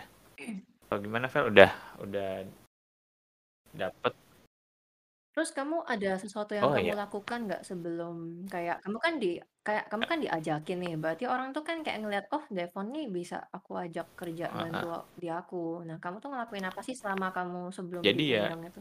Eh, contoh misalnya kayak ya gue melakukan apa yang gue bisa aja kayak saya ngepost ngepost aja video misalnya nge- eh, tanpa tujuan dengan untuk dapat kerja misalkan gue eh, gue konteksnya gue videografer ya jadi misalnya gue post aja video di Instagram lah post aja eh, bikin-bikin video di mana kayak ngebantu-bantu orang. Itu yang eh, jadi orang jadi kelihatan gitu loh kelihatan guanya. Jadi mereka udah ngelihat gua makanya bisa invite gua gitu loh. Gitu kali ya Mm-mm. Oke, jadi kayak kamu nunjukin bakatmu dulu kan, kamu clear tentang apa yang Ya. kamu bisa gitu kan. gitu Oke, very well, very well. Yo. Thank you ya, Fon, udah Thank sharing. Oke, aku oke langsung Eva. milih nama ya. pertama Oke. Aku ini ada yang soalnya nggak masukin tipenya sih, jadi agak lama milihnya karena aku maunya kalau bisa setiap tipe itu oke tercover gitu. tipe itu yang tadi generator manifesting generator projector reflektor itu ya Betul. Reflektor saking jarangnya ya, di sini nggak ada yang reflektor yang masuk. Nah, oke.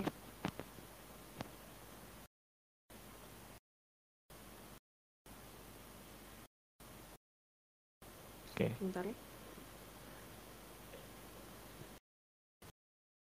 Tipenya yang masuk ya FYI itu banyak banget ya MG Wow. sama G. Karena memang di Ya. populasi itu kalau populasi sekali. berapa persen berapa persen ya Vel 35 35. Jadi yang ada tipe generatornya tipe energetik tuh 70% seenggaknya. Seenggaknya, kurang Hmm. Ya. lebih ya. projector 20 Eh, Oh. 17 sampai reflektor 20. satu satu persen ya Satu. Jadi wajar kalau di sini nggak ada. Oke. Sebenarnya ini cukup menarik ya. Aku coba pilih yang pertanyaannya paling jelas aja Oke. dulu deh. mungkin ini yang Eh, Oh, iya. Nancy boleh open mic? siapa Nancy Halo Nancy.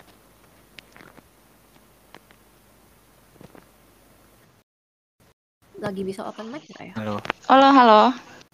Halo Nancy, Halo, apa siang kabar? semuanya. Baik, baik, silakan ya kalian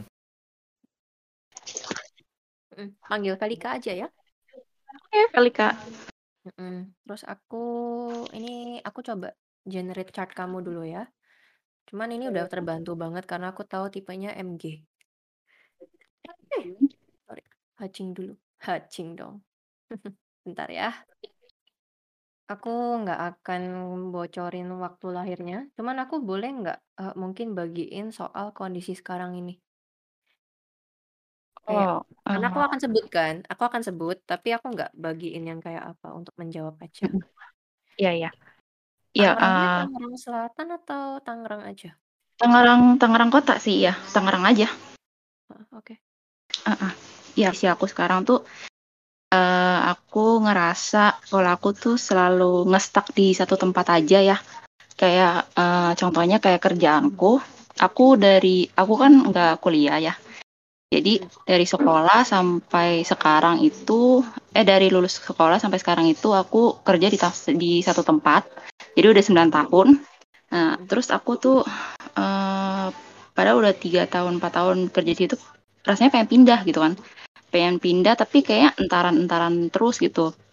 Terus nggak kayak cuma kerjaan aja, jadi uh, aku ikut kayak komunitas apa gitu. Padahal aku merasa uh, toksik juga gitu di dalam nggak nyaman cuman uh, ini kayak pelayan pelayanan lah aku ceritain ya uh, pelayanan di gereja gitu tapi uh, nggak nggak cocok lagi gitu sama aku tapi aku maksain tetap ada di situ karena mikirnya oh ya udah uh, buat pelayanan juga gitu kan. Harus ada nggak ada pikiran uh, ke mana-mana gitu. Jadi ya udah buat Tuhan aja gitu. Kalau yang kerjaan tadi balik lagi itu eh, aku juga kadang kayak minder juga sih sebenarnya. Kalau misalkan aku dari situ uh, keluar itu apa ada yang bisa terima uh, dengan uh, pendidikan aku yang cuman uh, SMK aja gitu okay. itu sih kondisinya Oke, okay, thank you udah sharing ya. Oke, terima kasih. Uh, aku coba bantu jawab dulu. Nancy bisa sambil buka chat kamu? Jadi ketika aku ngomong, kamu nanti bisa paham yang aku maksud yang mana, karena aku nggak akan screen sharing di sini. Oh iya, sebentar ya, Kak. Oke. Uh, sambil kamu generate chart kamu, aku coba jelasin ya. Jadi kan, uh, Nancy ini tipenya manifesting generator. Betul ya? Ya, betul. Kalau yang tadi aku tangkap dari Nancy, itu Nancy lagi fokus di satu kerjaan. Right? Terus habis itu ngerasa stuck. Mau pindah, tapi kayak nggak yakin. Iya. Oke, tipe kamu kan manifesting generator. Iya. Uh, asalnya kamu ngerasa stuck tuh bisa jadi kayak gini. Kamu kurang tersalurkan energinya? Atau kamu merasa kamu udah mentok di kerjaan? Kayak kamu udah nggak bisa go up lagi, udah nggak bisa upskill lagi, gitu nggak? Iya, kadang gitu sih. mm Kadang? Iya, kadang seperti itu kayak uh, udah sebenarnya udah ada udah pengen uh, ngelangkah ke mana gitu, cuman kayak mikir lagi gitu, uh, ntar bakalan kenapa ya gitu kalau salah pilih jalan atau gimana gitu. Jadi kayak hmm. oh balik lagi lah, udah yang aman aja dulu gitu dijalanin. Oke, oke. Oke, jadi manifesting generator aku kasih tahu ya kekuatannya. Mungkin fellow masih manifesting generator juga bisa sambil catat nggak apa-apa. Kekuatan ya. kalian tuh kalian tuh energetik guys. Kalian tuh punya energi sustain dan kalian tuh bisa melakukan banyak kerjaan bersamaan. Bersamaan maksudnya bukan satu menit ini aku telepon dan nulis dan apa dan apa, enggak. Dalam satu periode waktu. Nah, kalian tuh juga self aware. Kalian tuh kalau misalnya selaras ya, kalian bisa paham sekali diri kalian seperti apa. Cuman kalau misalnya lagi nggak selaras nih, kalian mungkin akan merasa frustasi. Stuck itu tadi. Dan bisa jadi skip important steps karena merasa bisa ngerjain banyak hal. Aku bisa kok ngerjain ini. Nah, bisa jadi manifesting itu manifesting generator tuh karena ada manifestornya tidak menyelesaikan apa yang dimulai. Itu juga bisa. Gitu ya. Nah, aku coba kasih gambaran. Manifesting generator itu energinya sangat bagus kalau mereka bisa mencanalkannya ke berbagai hal di satu waktu yang bersamaan. Jadi mungkin sumber ngerasa stuck kamu itu karena kamu kurang nemuin outlet untuk kamu nyalurin energi kamu yang ada. Bisa jadi karena itu. Ini cuma aku bantu memahami aja ya. Bisa jadi ya. itu. Nah, untuk membantu nih, kamu kan udah 9 tahun di pekerjaan sekarang. Tapi selalu entaran aja pindahnya. Itu bisa jadi karena kalau kamu perhatiin chart kamu, kamu itu bagian segitiga kecil yang di tengah itu terbuka. Terbuka saya tidak ada definisi putih kan? itu. Yang Ya nggak? mana ya? Eh, segitiga yang kecil, yang ada Hah? yang di tengah, yang 26, yang ada angka 26-nya. Ya, 251. Itu kan terbuka ya. Karena bagian itu terbuka, ter- apa tidak terdefinisi, kamu mungkin ngambil energi dari luar, terus bisa jadi willpowermu itu nggak konsisten di situ. Jangan di apa yang dirasakan bukan di situ. Kamu bisa fokus ke strategimu, merespon. Kalau misalnya memang kamu mau pindah kerjaan nih, ini aku kasih latihan ya. Aku coba kasih latihan. Kamu latih dirimu, tanyakan ke dirimu itu soal yes or no question. Kamu benar mau pindah nggak? Kamu kalau mau pindah, mau kerja di bagian A nggak? Jadi kayak pertanyaannya yes or no. Terus, karena kamu ada bagian pusat emosinya terbuka, ini segitiga di sebelah kanan tangan kamu. Kalau kamu hover mousemu di situ, kalau pakai laptop ya, atau pakai HP. Di segitiga yang di bawahnya tadi, yang aku bilang, itu kan ada solar plexus emotion center itu. Udah notice nggak? Itu kan terbuka ya. Putih Ya. kan? Kalau Iya, putih, Wan. artinya Putih. emosi kamu, yang emosi yang kamu rasakan tuh kamu absorb dari luar. Jadi sering kali kamu itu eh, ngambil emosi dari luar dan emosi itu kamu bisa amplify karena nggak konsisten itu tadi. Nah, dampaknya apa?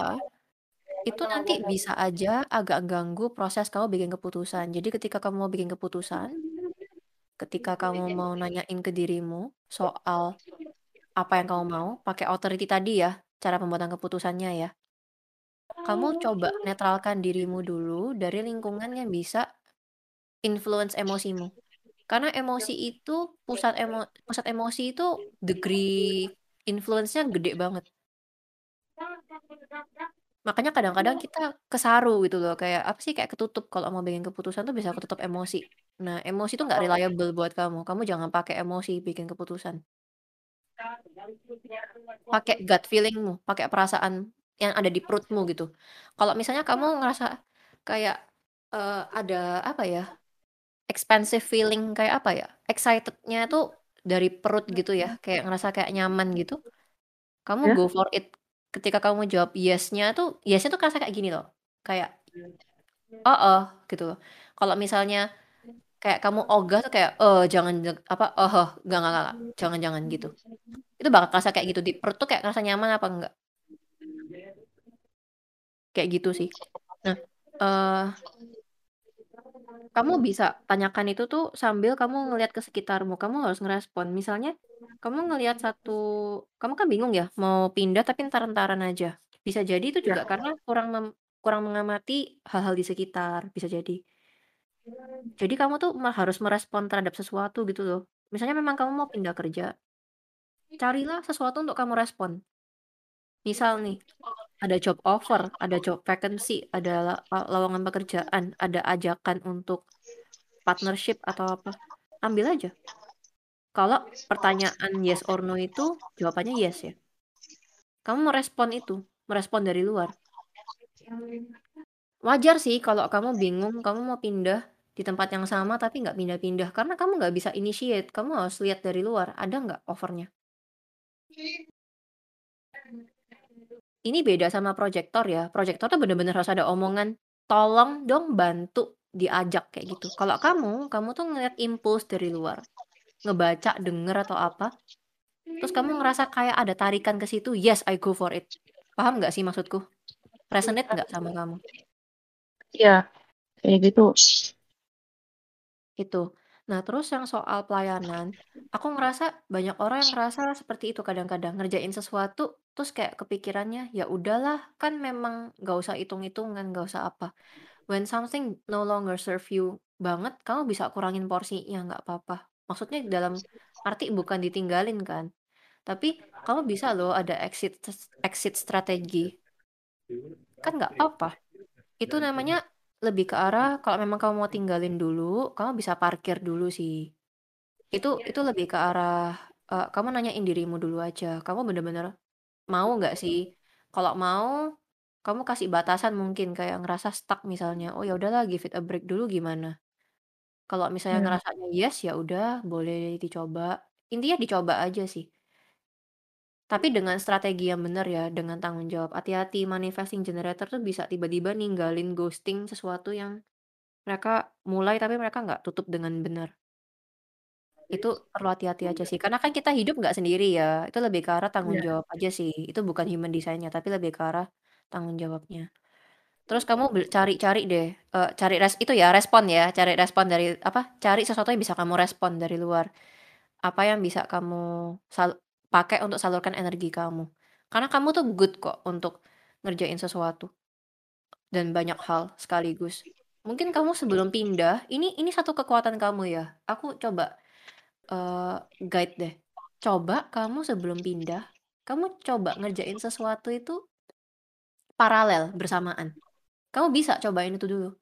Misalnya kamu ngerasa kamu nggak yakin kan, kamu coba step kakimu keluar di bidang yang kamu mau cobain baru gitu misalnya. Kamu punya power di situ loh. Kamu punya kekuatan untuk multitasking gitu loh, multi passionate gitu. Kalau memang itu nggak serve kamu, ya kamu bisa tutup dengan benar terus kamu tinggalin. Kan kamu bisa coba-coba. Jadi kamu itu kayak anggap aja kayak kekuatan, oke sebelum aku ninggalin aku coba dulu deh. Tapi benar-benar dikerjain ya. Benar-benar dikerjain. Untuk tahu itu buat kamu apa enggak. Oke? Oke, oke, oke. Terus Iya sih gini, kamu itu punya kekuatan, dirimu tahu kamu mau mengarah ke mana. Karena pusat identitasmu tuh terdefinisi. Kamu tahu kok ngarahin dirimu ke mana. Direction. You know, kamu tuh akan ada rasa. Apa ya, kamu akan ada konsistensi untuk mengetahui ini tepat untukmu atau enggak. Jadi kalau misalnya memang kamu sudah 9 tahun ngerasa nih, ngestak di tempat yang sama, itu mungkin memang sense of identity-mu yang udah berbicara ke kamu. Jadi coba kamu ngobrol sama dirimu pakai yes or no question itu tadi. Kalau pakai open question ntar kamu bingung. Oke. Gitu ya. Eh kira-kira ini aku mastiin aja nih. Kalau misalnya aku pakai istilah open question, close question, kamu paham nggak maksudku? Open, oh kalau open question maksudnya gimana ya? Open question tuh kayak what, eh kayak why, how. Apa, kenapa, itu tuh pertanyaan terbuka. Jawabannya bisa apa pun. Tapi kalau yes or no question tuh kan gampang ya. Pertanyaannya Iya, mau tinggal apa enggak, iya suka enggak. apa enggak. Oh, Gitu oke, kan. oke. Iya, iya. Nah, pertanyaannya jangan cuma satu. Pertanyaannya banyak terus kamu jahit. Semakin banyak pertanyaan yang itu nanti kayak kamu coba arahkan mana yang kamu mau putuskan, jalanin dulu. Itu ya. Iya. Oke. Kira-kira bisa dipahami nggak? Atau kamu ada yang makin bingung? Eh, aku tadi eh, sambil nyatat juga sih eh, sejauh ini aku paham sih ya. Jadi aku kayak flashback lagi eh, sebenarnya kayak tadi contoh pelayanan itu juga aku kan kayak udah ngerasa nge- eh, ngerasa terbebani. Harusnya kan nggak boleh ya. Jadi aku juga emang kayak sadar gitu ini gimana ya caranya biar tetap berjalan tapi eh, eh aku nggak keluar eh, tapi aku juga nggak stres juga di dalam situ. Eh, bener juga aku juga ngambil keputusan eh, jadi sebulan itu aku eh, dapat satu kali tugas. Jadi biasanya kan sebulan itu dapat empat kali tugas.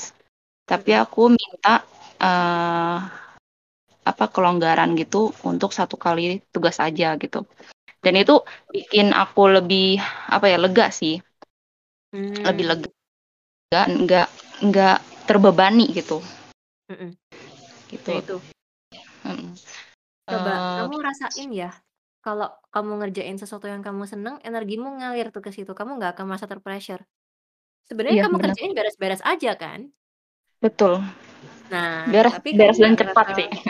nggak ngerasa puas gitu kan? Kayak, duh, nggak enak nih ngerjainnya gitu nggak sih? Iya betul, betul. Nah, itu tuh maksudnya. eh, kalau kalau di kerjaan juga aku sebenarnya kayak sadar gitu sebenarnya ya aku ngerjain ini itu tuh cepat dan bisa langsung dalam waktu bersamaan yang tadi kamu bilang gitu kan uh, sadar sadar uh, kelebihan salah satu kelebihan aku lah gitu ya dibilangnya cuman ya itu gara-gara mungkin karena uh, dari dari faktor lingkungan kali ya dari faktor keluarga atau faktor dari tempat kerja. Jadi kayak kayak bikin aku nggak berkembang gitu sih.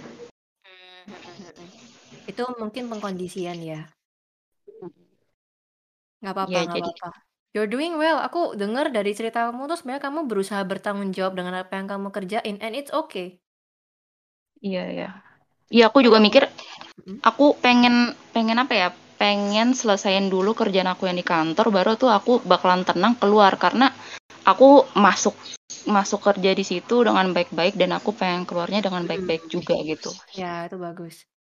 Nah kamu manfaatin lah aura energi kamu manifesting generator. Kamu bisa loh start something. Kamu bisa loh start something. Tapi kamu cari dulu ya dari luar responnya Kayak misalnya kamu ada satu ide yang tiba-tiba muncul ketika kamu melihat sesuatu dari luar, kamu lihat Instagram, "Eh, ini oke buat dikerjain." Kamu coba langsung pakai authority kamu, tanyain dirimu. Tanya tanya tanya tanya tanya, "Oke, set, aku ngerjain." Itu bisa. Dan kamu bisa kerjain tuh sambil kamu masih di kerjaan sekarang. Manfaatin itu. Oke. Oh, terus Iya. terakhir untuk kamu, Apa? di profile itu kan ada angka 6 ya? Di profile. Jadi kamu di sebelah kanan chart properties di profile 62. Betul? Sebelah mana tadi? Di chart properties di sebelah kan eh, di chart properties ada nama, birth date, type, strategi, authority, definition, profile. Ya kan? Oh, iya. Ah, iya ada ada. Profilemu tuh ada angka 6.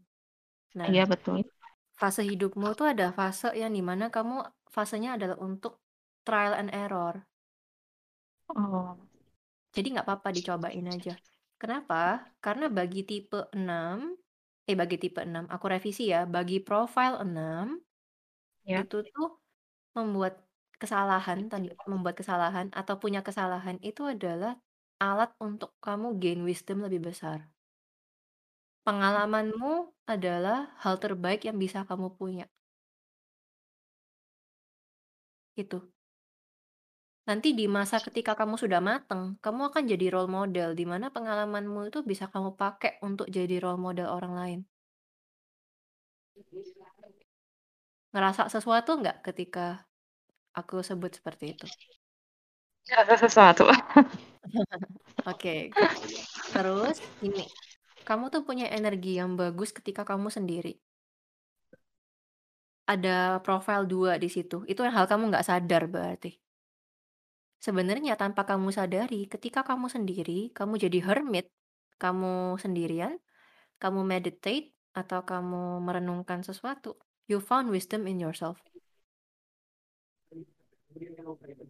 Bahkan ketika kamu tersembunyi pun itu karena itu energimu ya, memang seperti itu. Chance itu, opportunity itu bisa datang bisa datang ke kamu malah. Devon tuh kayak gitu. Devon ada dua juga nggak sih? Ya, ya. Sa- Sama sama 62 gua. 62 kan? Devon tuh sangat tersembunyi loh, tapi opportunity always find him karena dia pakai energinya dengan benar tanpa dia sadari. Itu contoh aja ya. Jadi kamu bisa rely on that, nggak apa-apa. Oke? Oke. Sip. Terima Waktu bikin kasih. keputusan, lepaskan pengaruh emosi ya. Meditasi, baik. bersihin emosinya dulu. Oke, sip. Good luck. Oke. Ya, terima kasih, Kalau Kak. mau lanjut nanti japri aja. Lanjut Baik. ke tipe yang lain. Oke, thank you. Oh iya, Nancy setelah setelah reading berdoa ya sesuai kepercayaan ya Oke, oke. Oke, Heeh. Vel. supaya dibantu untuk ke arah yang kamu mau dan makin selaras. Oke? Oke, baik. Terima kasih. Mm-mm. Oke, thank you juga Nancy. Eh, gimana Vel untuk selanjutnya udah dapet kah? Atau mau Eh, aku ini ada yang baru masuk, cuman nanti mohon maaf ya, aku aku bukti tidak mau kan. Tapi lama juga tadi aku bacainnya, sorry. Ya. Semoga serve the ini ya, serve the purpose. Ini ada beberapa proyektor yang aku lihat. Oh ya, terus kalau ada yang pertanyaannya kurang uh, jelas, aku nggak jawab dulu ya. Soalnya Oke. biar cepet nih. Halo Ana. Ana. Oh, Ana Ana Fernandez. Fernandes ya. Oh ya, halo Kak Ana Vel. ini manifestor bukan? Aku mau coba buka lagi webnya nggak bisa ya, bingung aku. Gitu ya. Bentar ya.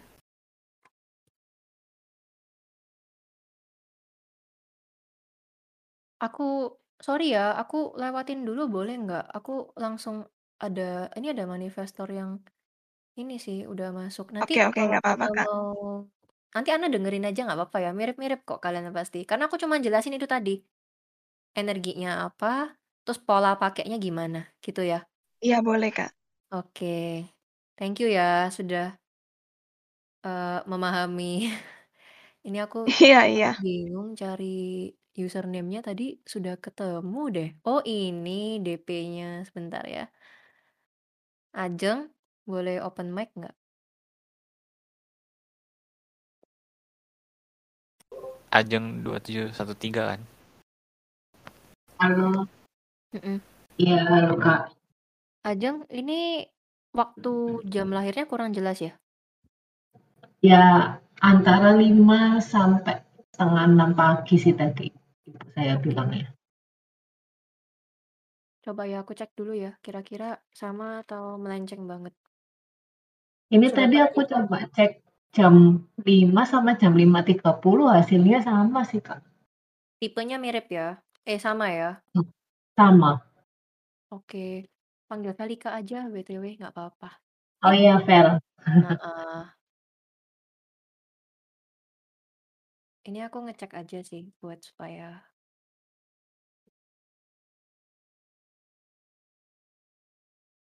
Oke. Aku ngecek supaya lihat kira-kira authority-nya atau apa tuh bisa beda nggak? Mm-mm. Eh Vel. Ngomong-ngomong boleh diperjelas nggak pertanyaannya? Kalau kamu nggak papa ceritain ya, karena kan ada teman-teman yang denger juga gitu. Karena kayaknya ja- pertanyaannya kurang konteks gitu. kurang konteks ya Kak ya. Mm-mm. Eh, jadi eh, sekarang tuh saya udah kerja di tempat saya bekerja itu udah lima tahun. Sebenarnya tempatnya nyaman sih kak kalau untuk bekerja karena secara lingkungan. Sorry ya kak ada noise. Eh, Oh ya nggak apa-apa. untuk bekerja nyaman karena lingkungan kerjanya itu juga teman-temannya enak juga. Tapi memang untuk eh, secara perkembangan diri menurut saya sih nggak terlalu bagus ya karena pun atasan-atasan pun juga bilang seperti itu kayak gitu. Eh, tapi memang di tempatnya tuh emang nyaman banget sih kalau untuk kerja. Terus eh, saya kepikiran kan saya kira-kira lagi belajar bahasa baru gitu. Eh, saya kepikiran kepingin jadi translator sih kalau bisa karena susah juga sih kak belajar bahasa baru gitu.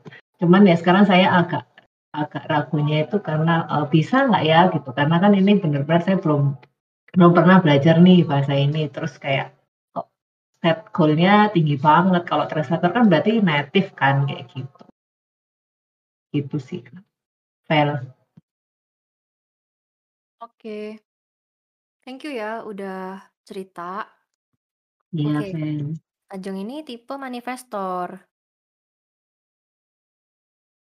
Kalau aku bilang, ya udah mulai aja.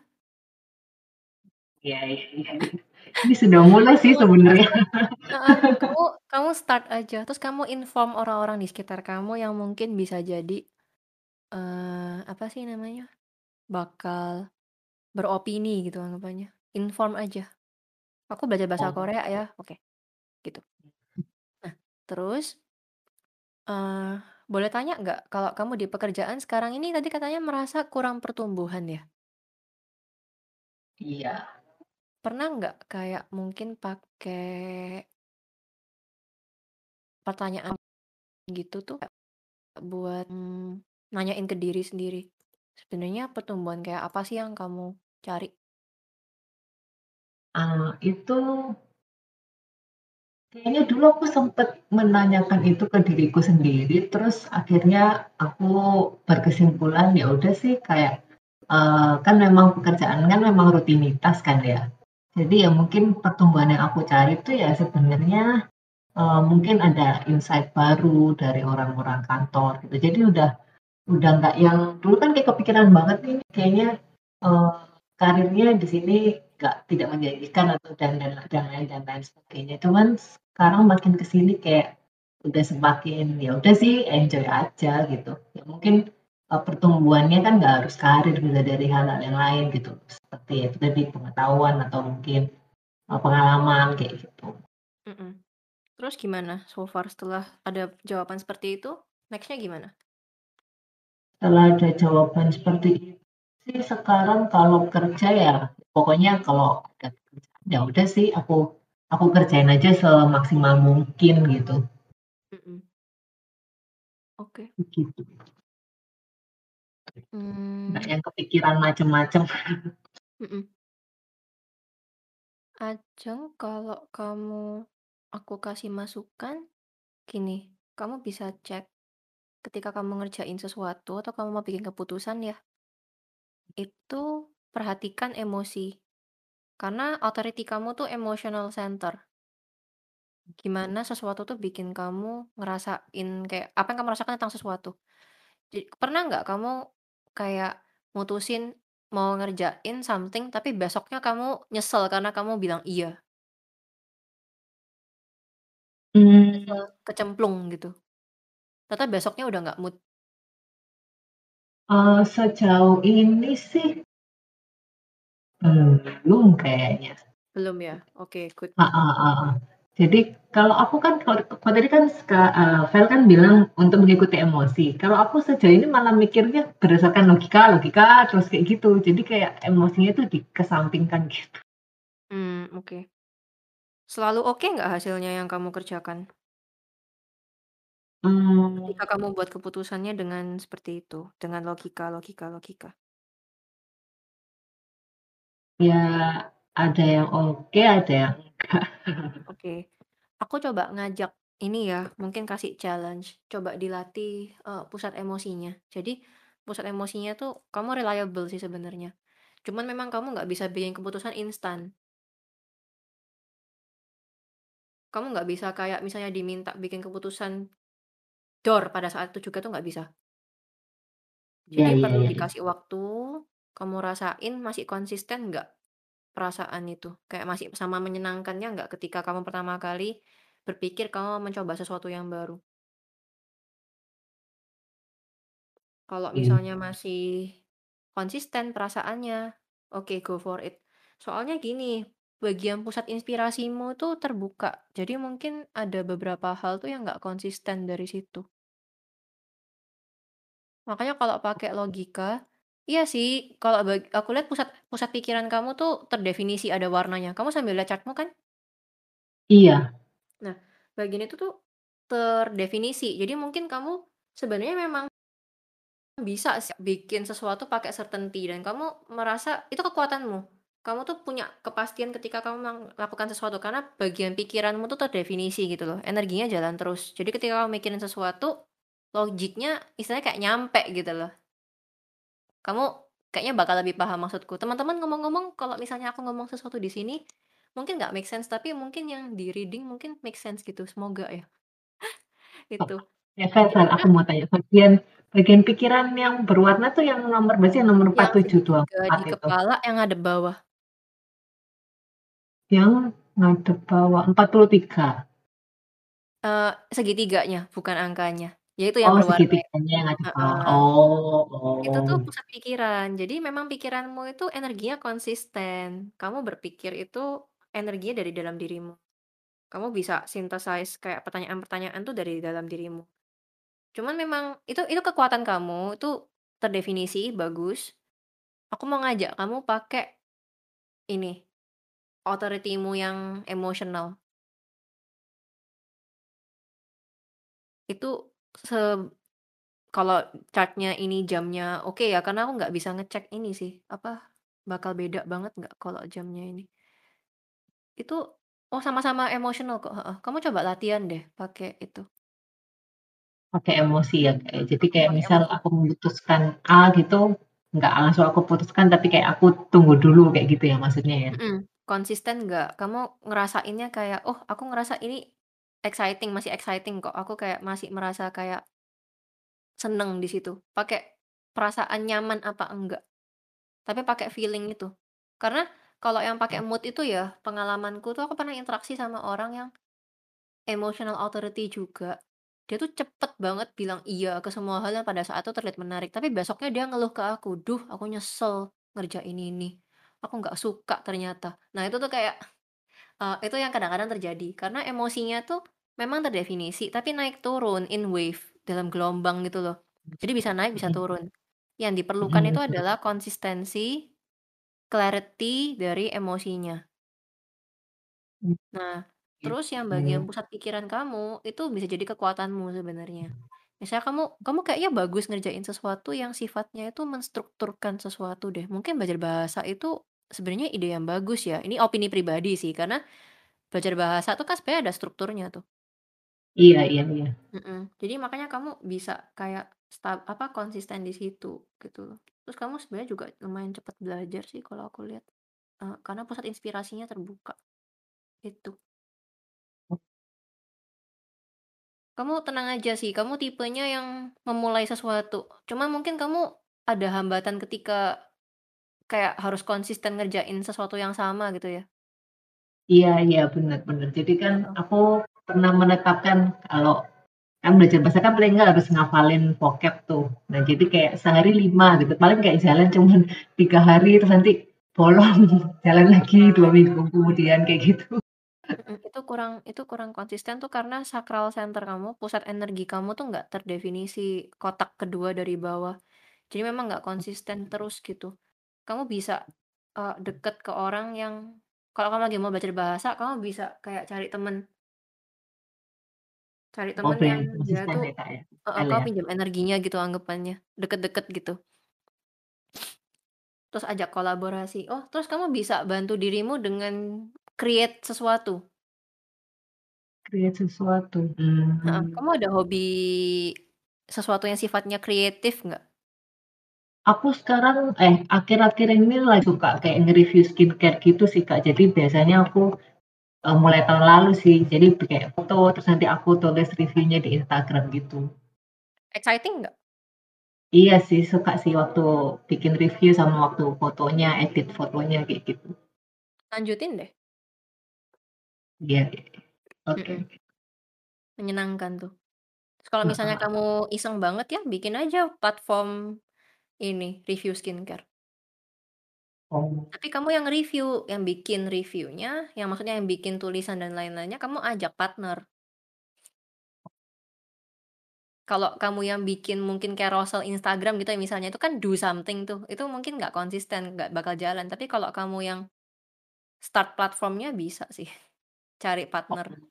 Kuncinya cari partner ya, Iya kuncinya iya cari iya. partner. Kalau non energetik tipenya kuncinya cari partner. Karena kalau ada partnernya kamu mungkin bisa terbantu lebih konsisten, terarah gitu. Iya iya, bener. Kalau kerja sendiri susah ya? Kalau kerja sama orang? Lebih itu sih, lebih tergerak. Lebih tergerak ya? Ya ya, oke oke. Mhm. Itu, kira-kira menjawab nggak ya?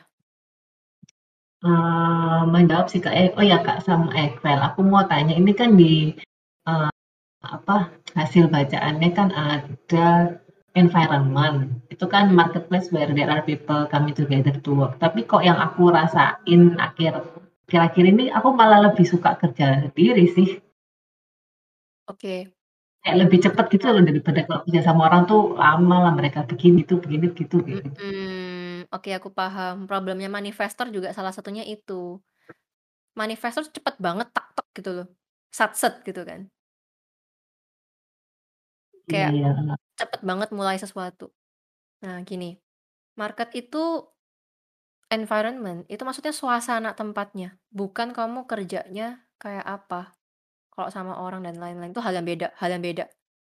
Oh. Kalau misalnya kamu merasa, eee lingkungan kamu tuh nggak cocok sama kamu, itu karena pusat identitasmu yang bentuk diamond di tengah itu Heeh. Itu te tidak terdefinisi, putih. Oh, iya iya, benar. Kamu harus cobain banyak environment sampai ketemu yang klik sama kamu. Karena environment tuh sangat menentukan sense of direction-mu. Cobain banyak environment tuh maksudnya gimana ya? Jadi misalnya kayak kamu kerja ya misalnya, kamu kerja di rumah rasanya kayak gini, kamu kerja di kafe rasanya kayak apa, kamu kerja di coworking space rasanya kayak mana yang paling nyaman sama kamu suasananya? Kayak kamu itu kurang bisa apa ya, kamu tuh pinjam iden identitasnya orang soalnya. Jadi di mana kamu berada, kamu tuh ngambil identitas Mhm. orang itu. Apakah Mmm. itu make sense untukmu? Mmm, Rasanya beda-beda. iya. Sepertinya, heeh.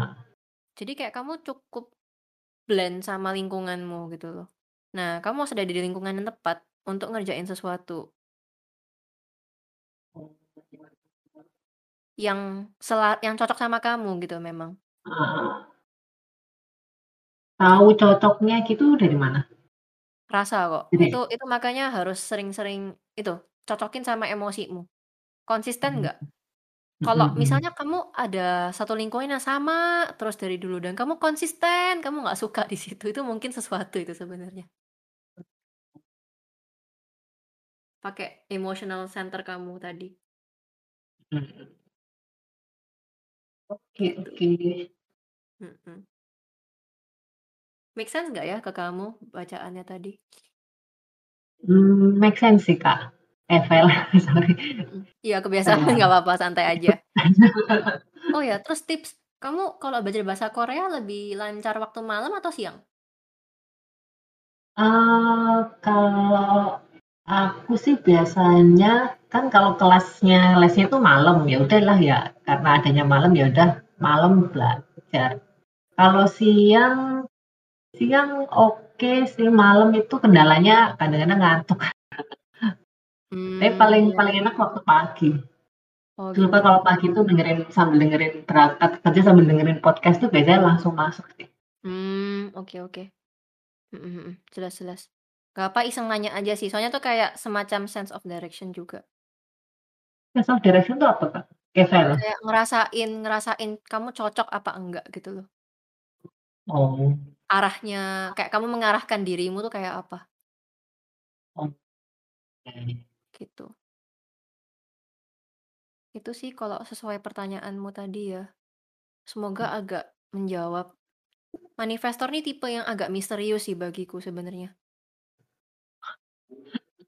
Karena sama-sama non energetik, aku juga nggak konsisten ngerjain sesuatu. Cuman kayak mereka bisa mulai sesuatu kan, kalau aku nggak bisa gitu. Jadi kayak kadang-kadang aku cuma bisa kasih tahu, tapi kalau kamu merasa resonate berarti nyampe ke kamu itu pesannya.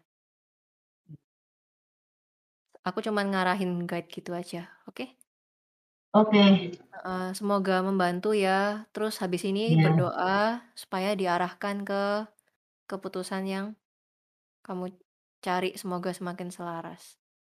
Iya, terima kasih banyak, Vel. Mhm. Oke, Oke, terakhir. thank you, Ajeng.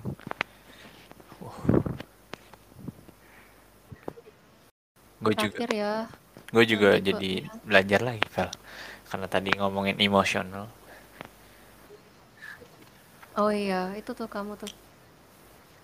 Ternyata Gimana emang belajarnya? ini ya, gue harus mikir lama. Tapi sebenarnya kamu bukan mikir itu. Kamu lagi menimbang yang kamu rasakan gitu loh. Nah. Enjoy nggak ya? Cuman kesannya kayak pakai suara kepala nggak sih? Nah, itu nanti Ajeng boleh tuh eh, ngobrol sama Devon. Gimana sih rasanya pakai emotional authority gitu? Oke, Vel. Jadi Mm-mm. Nancy mau ngomong yang 62, kalau Ajeng ngomong emotional authority boleh. Betul sekali.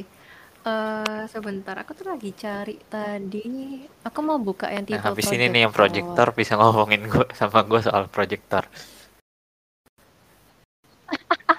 Atau ngomong sama aku juga boleh. Kebetulan aku projector juga. Eh, sorry yang tadi udah ngechat aku, yang tipenya projector boleh di-up lagi nggak chatnya?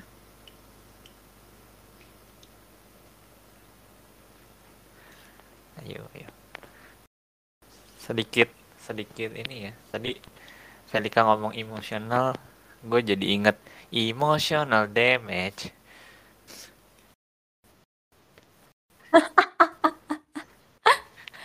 Aduh, aku juga tiba-tiba langsung teringat yang itu, kawan.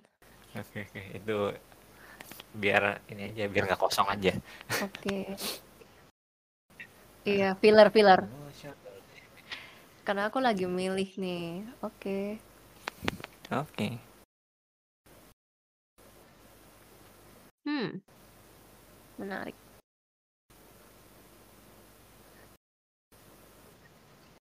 Waduh, ini yang Ayo. mana ya? Aku pilih yang ada pertanyaannya aja dulu ya, supaya terarah. Eva, Eva Rosa. Silakan. Iya kak. Halo. Halo kak. Halo kak. Aku yang panggil kakak sih ini, ya ampun. Halo kak. Iya, aku yang panggil kakak nih. Halo kak Eva. Iya kak. Oke. Eh, kakak mungkin mau cerita dulu nggak lagi di posisi apa saat ini? Saat ini sih eh, terus terang lagi drop banget ya. Eh, lagi bingung juga. Eh, kondisi saat ini sih saya wirausaha kan, eh, bisnis kuliner. Mm-mm. Tapi tuh kayak apa ya? Aku tuh orangnya tuh gampang bosen. Terus kadang tuh kayak kurang konsisten juga sih.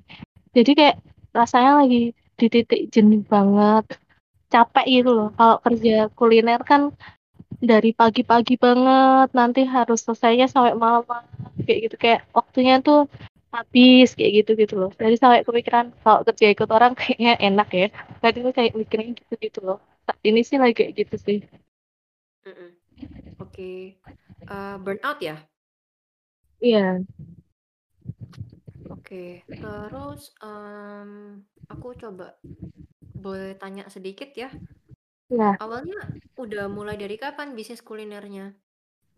Dari 2007. Wih, udah lama. Keren Iya, jadi dari dulu itu eh selalu kerja ba- eh, itu loh. Jadi aku ngelakuin sesuatu barengan. Jadi bisnis kuliner sendiri ada, terus kerja ikut orang juga dulu. Mm-mm. Full kerja kuliner di rumah itu ya sekitar lima tahunan lah ya. Mm-mm. Terus eh, abis itu eh, resign gitu, nggak kerja ikut orang lagi.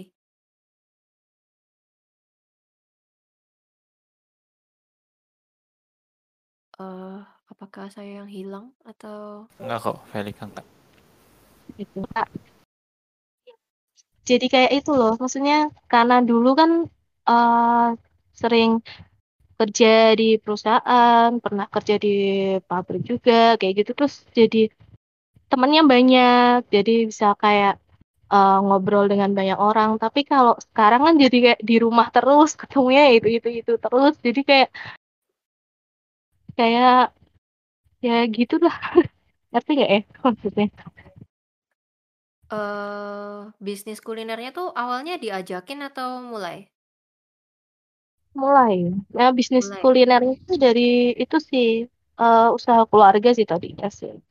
Terus Oh, dikembangin oke. sendiri gitu. Oke, oke. Thank you konteksnya.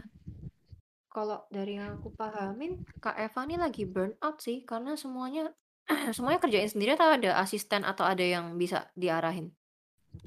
Ada satu asisten. Ada asisten. Tapi tetap harus dihandle sendiri ya? Iya. heeh. Oke. Eh, Kak, salah satu karakteristiknya projector tuh memang life force-nya nggak nggak nggak konsisten sih kalau ngerjain sesuatu. Jadi mungkin asal burnout itu karena kakak berusaha jadi doer. Oh. Nah, Ya, kekuatannya Kak gitu. Eva itu malah untuk ngarahin orang loh sebenarnya. You are a Hmm. gifted leader gitu sebenarnya. Oke.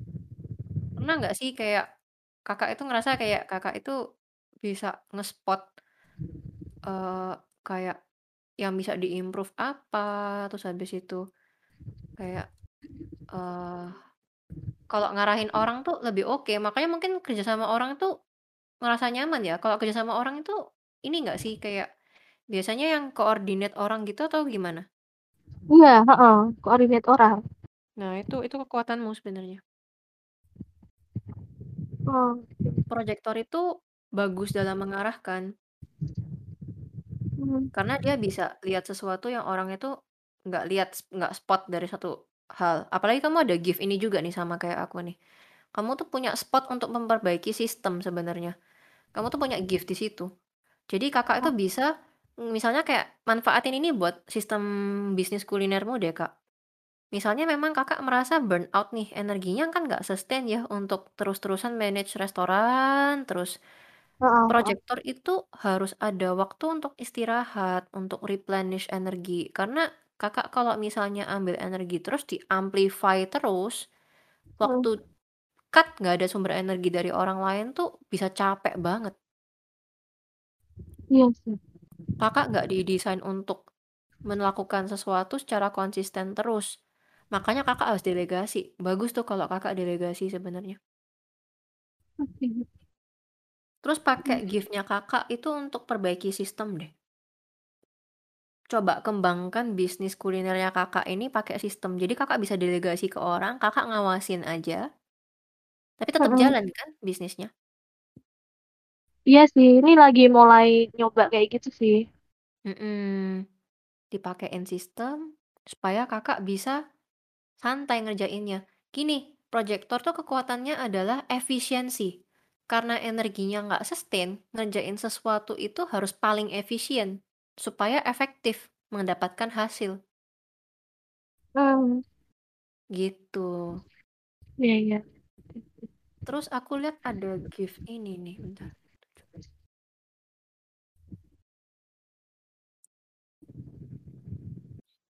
Aku coba pastikan dulu ya.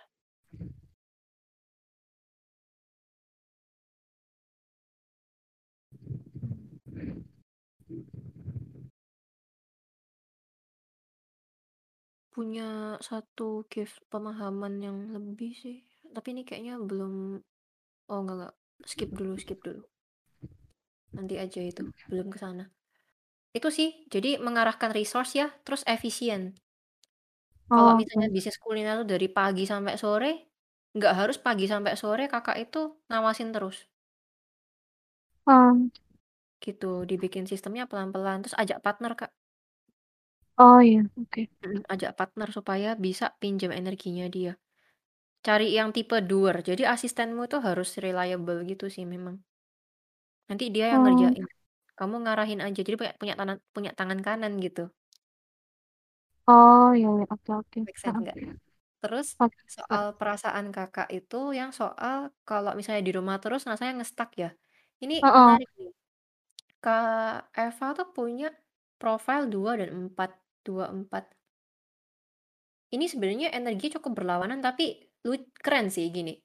Kak Eva tuh punya power energinya tuh being a hermit sendiri. Ini energinya bagus sih sama proyektor. Jadi Oh. reflect, eh, apa sih namanya meditasi.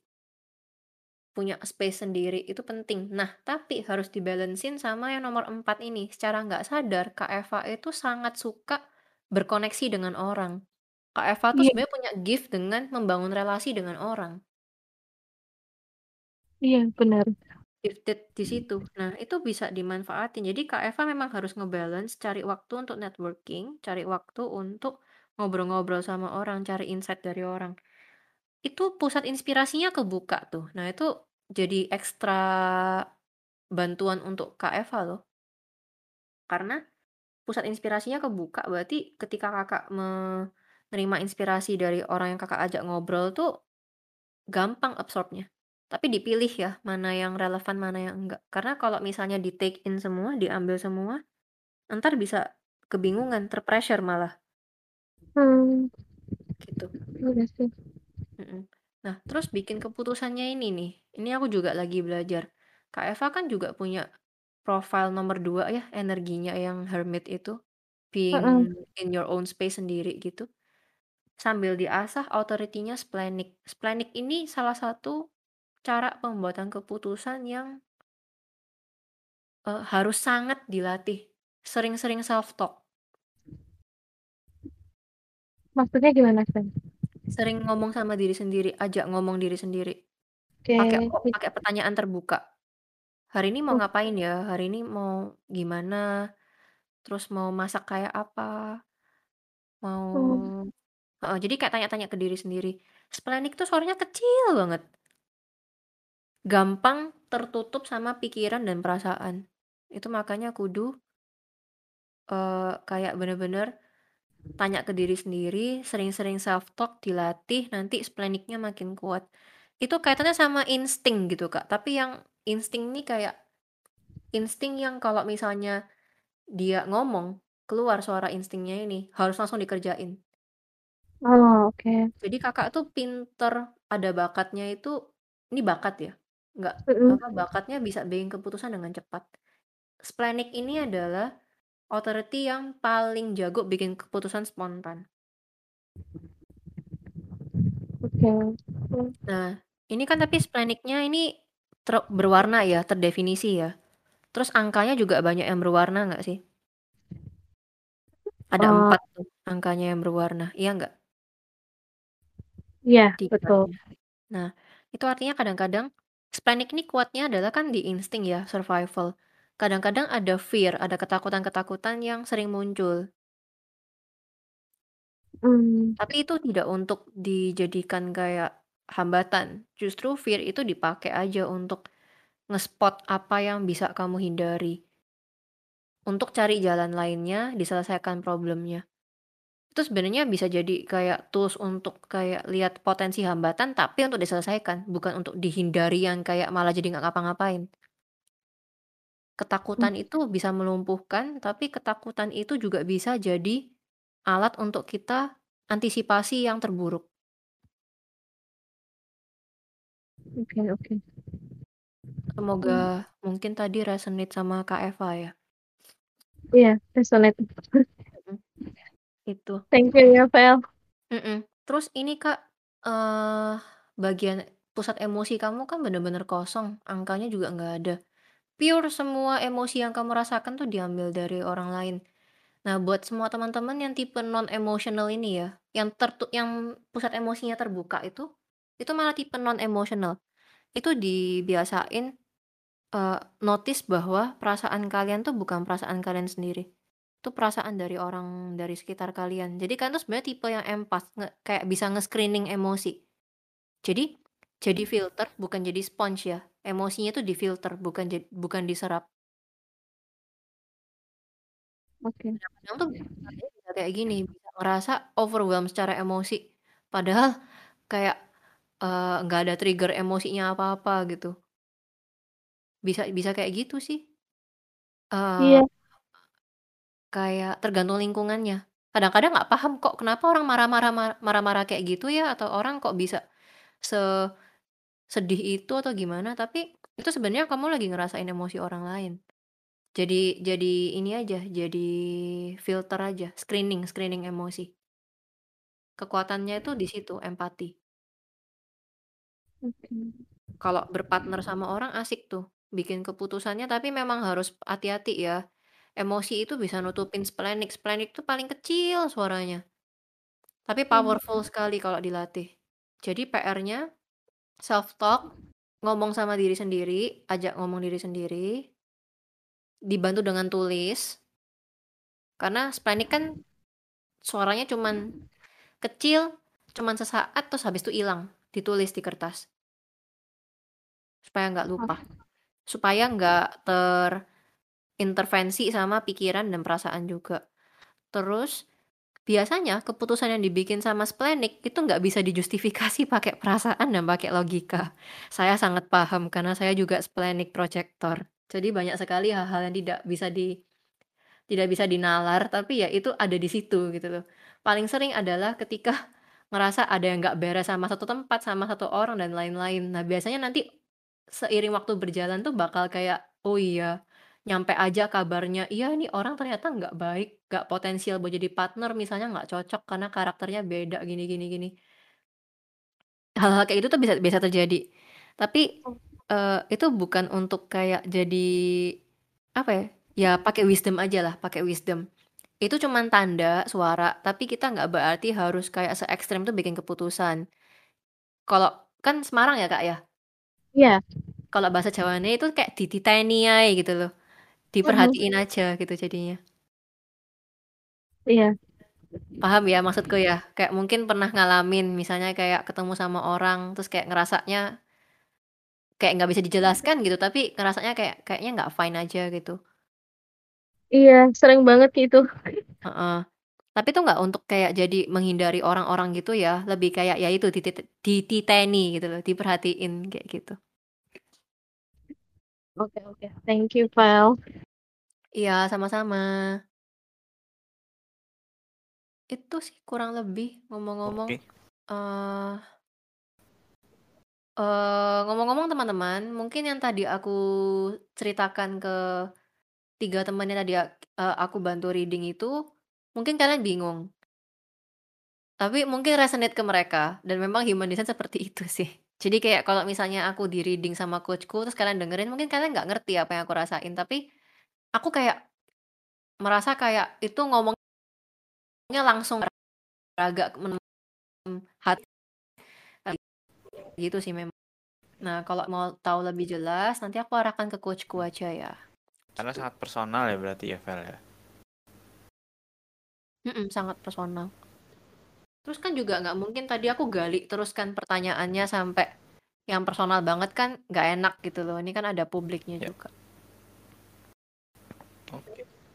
Tadi di chat ada apa ya, Banyak. ya, Kon ya? Banyak. Kayaknya lagi ini nih, ada yang sama nggak? Penjelasannya Theo benar. Pernyataannya Theo benar.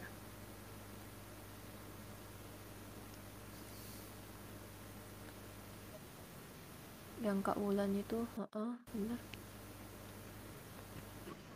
heeh. oh ya tipe-tipe yang energetik pun tetap harus istirahat ya tipe-tipe apa tipe energetik yang energinya jalan terus itu harus banyak-banyak lihat diri ya perlu istirahat juga jangan mentang-mentang energinya jalan terus terus dihajar beleh aja wah itu bisa sakit generator. juga Iya, generator. Tetap harus istirahat. Ini aku tanya satu lagi ya, Vel. Kalau hmm, boleh. Mbak lagi energinya banyak banget terus lagi ada memikirkan sesuatu kadang tuh sampai nggak bisa tidur sama sekali sampai pagi tuh yang melek kayak bolam lampu gitu. Oh. Nah itu oh. solusinya gimana ya Vel? Apa kita harus bangun nurutin apa keinginan si bohlam lampu atau kita gimana cara meredamnya supaya. Ini Kak Ulan bisa ya. balance gitu loh.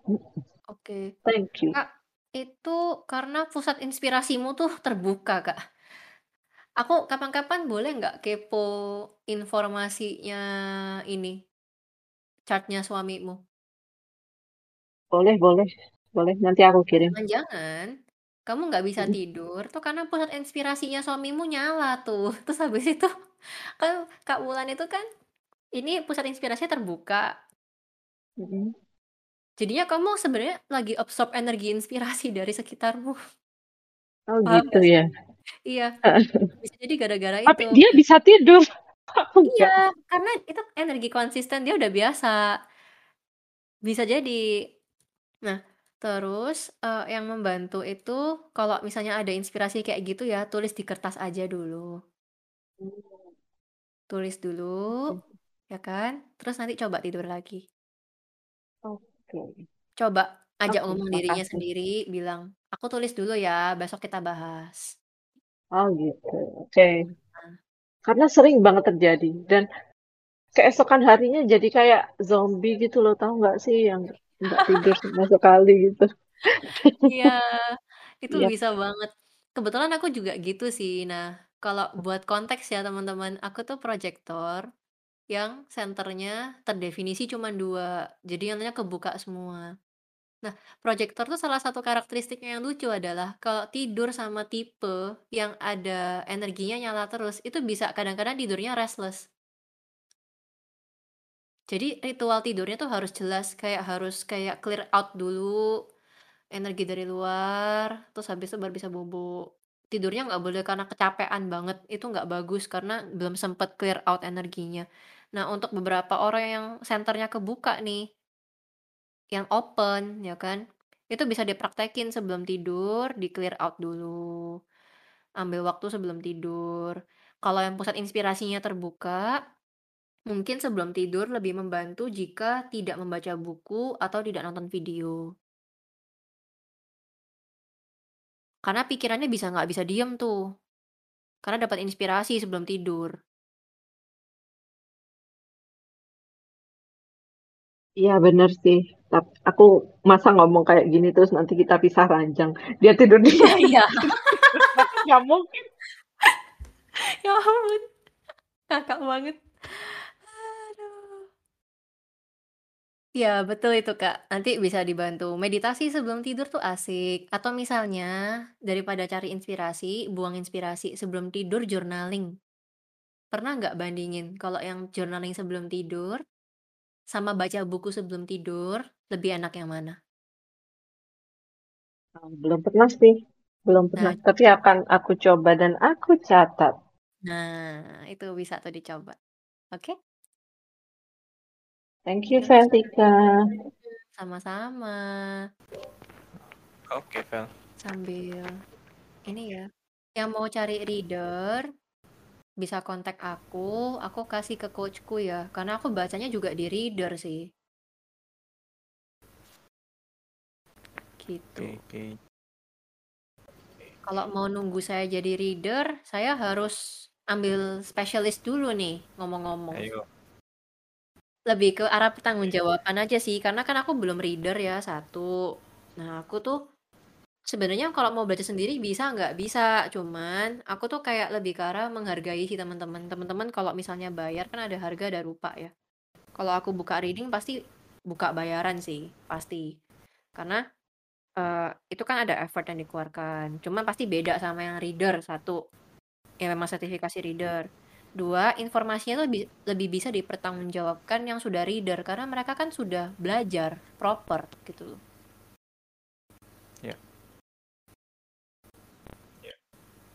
Gitu.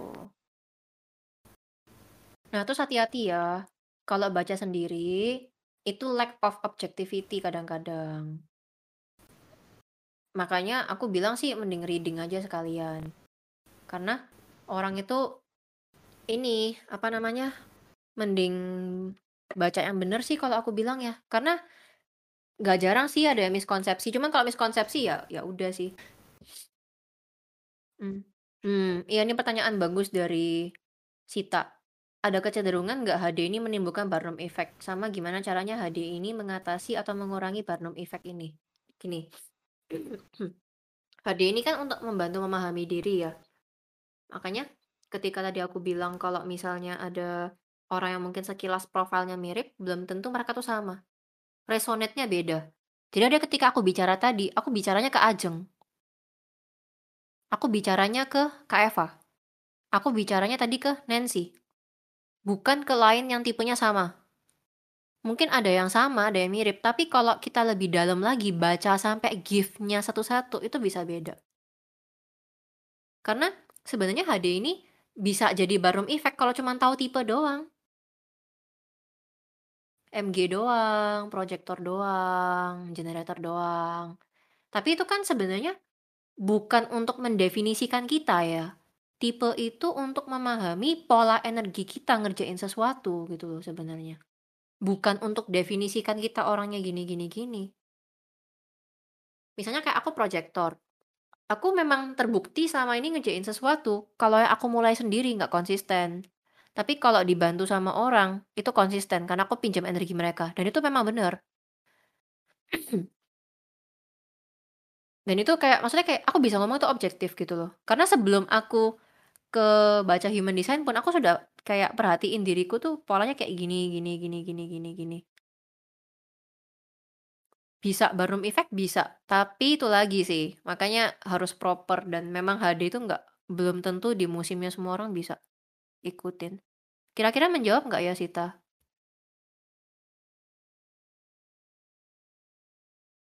Sebenarnya baca zodiak pun bisa bisa barum effect kan kalau misalnya udah personalized reading tapi masih di cocok-cocokin juga. Ya nggak sih? Kayak itu yang aku pahamin ya. Kayak sebenarnya semua hal tuh bisa jadi kayak seperti itu. Makanya beberapa bacaan kan personalized gitu maksudnya. Nanti yang mau kontaknya coachku silakan ya. Nanti aku kasih. Di Japri aja tapi. Ya, boleh DM Felika aja ya kalau emang yang tertarik melanjutkan Mm-mm. eh, human design ini ya, Fel. Mm-mm. Oke. Gitu. Gimana, Vel? Eh, udah semua berarti kah? Mm, mm-mm. Udah Mm-mm. sih untuk live readingnya. Kalau tadi ini ya kalau aku lihat kayaknya oke Nancy sama Ajeng kerasa ini ya ada something yang resonate ya. Ya semoga membantu. Terus semoga kalau kalian tergerak untuk reading lebih lengkap silahkan ya. Eh, kalau aku mau saran nanti teman-teman bakal kalau reading itu perlu siapin budget. Cuman nggak usah khawatir, tenang aja. Mungkin terlihat nominalnya gede, tapi note lagi sekali lagi, human design itu kamu baca sekali aja udah cukup kok. Karena desainmu ya gitu-gitu aja. Dan yang paling penting dari semua teman-teman yang sudah live reading tadi adalah satu, yang kamu harus perhatiin itu tipe energimu. Dua, cara buat keputusan. Tiga, strateginya. Merespon kah? Informing kah? Atau di-invite kah? Itu diperhatiin. Yang penting itu aja kok. Tiga itu dulu aja. Kalau udah nguasain baru bisa ke bagian yang lain. Gitu. Sama-sama teman-teman. Semoga Thank you, menjawab. Udah meluangkan waktunya. Berapa lama? Kita dua jam, dua setengah jam loh di sini. Kata. Iya, nggak kerasa ya. Masih banyak loh. Ya you. ampun, thank you ya. Yang udah Ya. excited. Mungkin sesi hari ini kali ini kita ini dulu ya. Padahal one on one, one on one ya kayaknya rasanya banyak banget yang dipelajarin. Oke, Iya. eh, mungkin kalau emang nanti mau lebih lanjut bisa ke coachnya Velika Japri melalui Velika. Terus Velika eh, mau ada tambahan kata penutup atau enggak? Hmm. Eh, nggak cuman human design, apa pun tools itu hanya untuk membantu.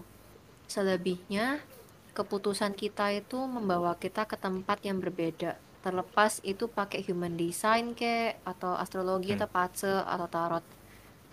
Jadi teman-teman, apa pun yang kalian pakai, tetap perhatikan aja. Kalau esensinya adalah semua keputusan tuh ada konsekuensinya. Jadi eh, terus belajar, terus temuin diri. Semoga semakin selaras ya. Kalau ini juga apa dapat insight banyak mungkin mau di share di Instagram gininya juga boleh tag Velika ya Vel? Mm-mm. Tag Velika di seperti usernameku yang ada di Discord Ah, Velika di Lianto. share juga di story lah atau apa mau fit juga bisa Nah, kalau emang Mm. pengen share share boleh Yo. Nah, nanti habis ini juga di ntar di channel spiritual kita biasakan untuk share 5 hal menarik dari sesi ini ya nanti. Nanti gue bikinin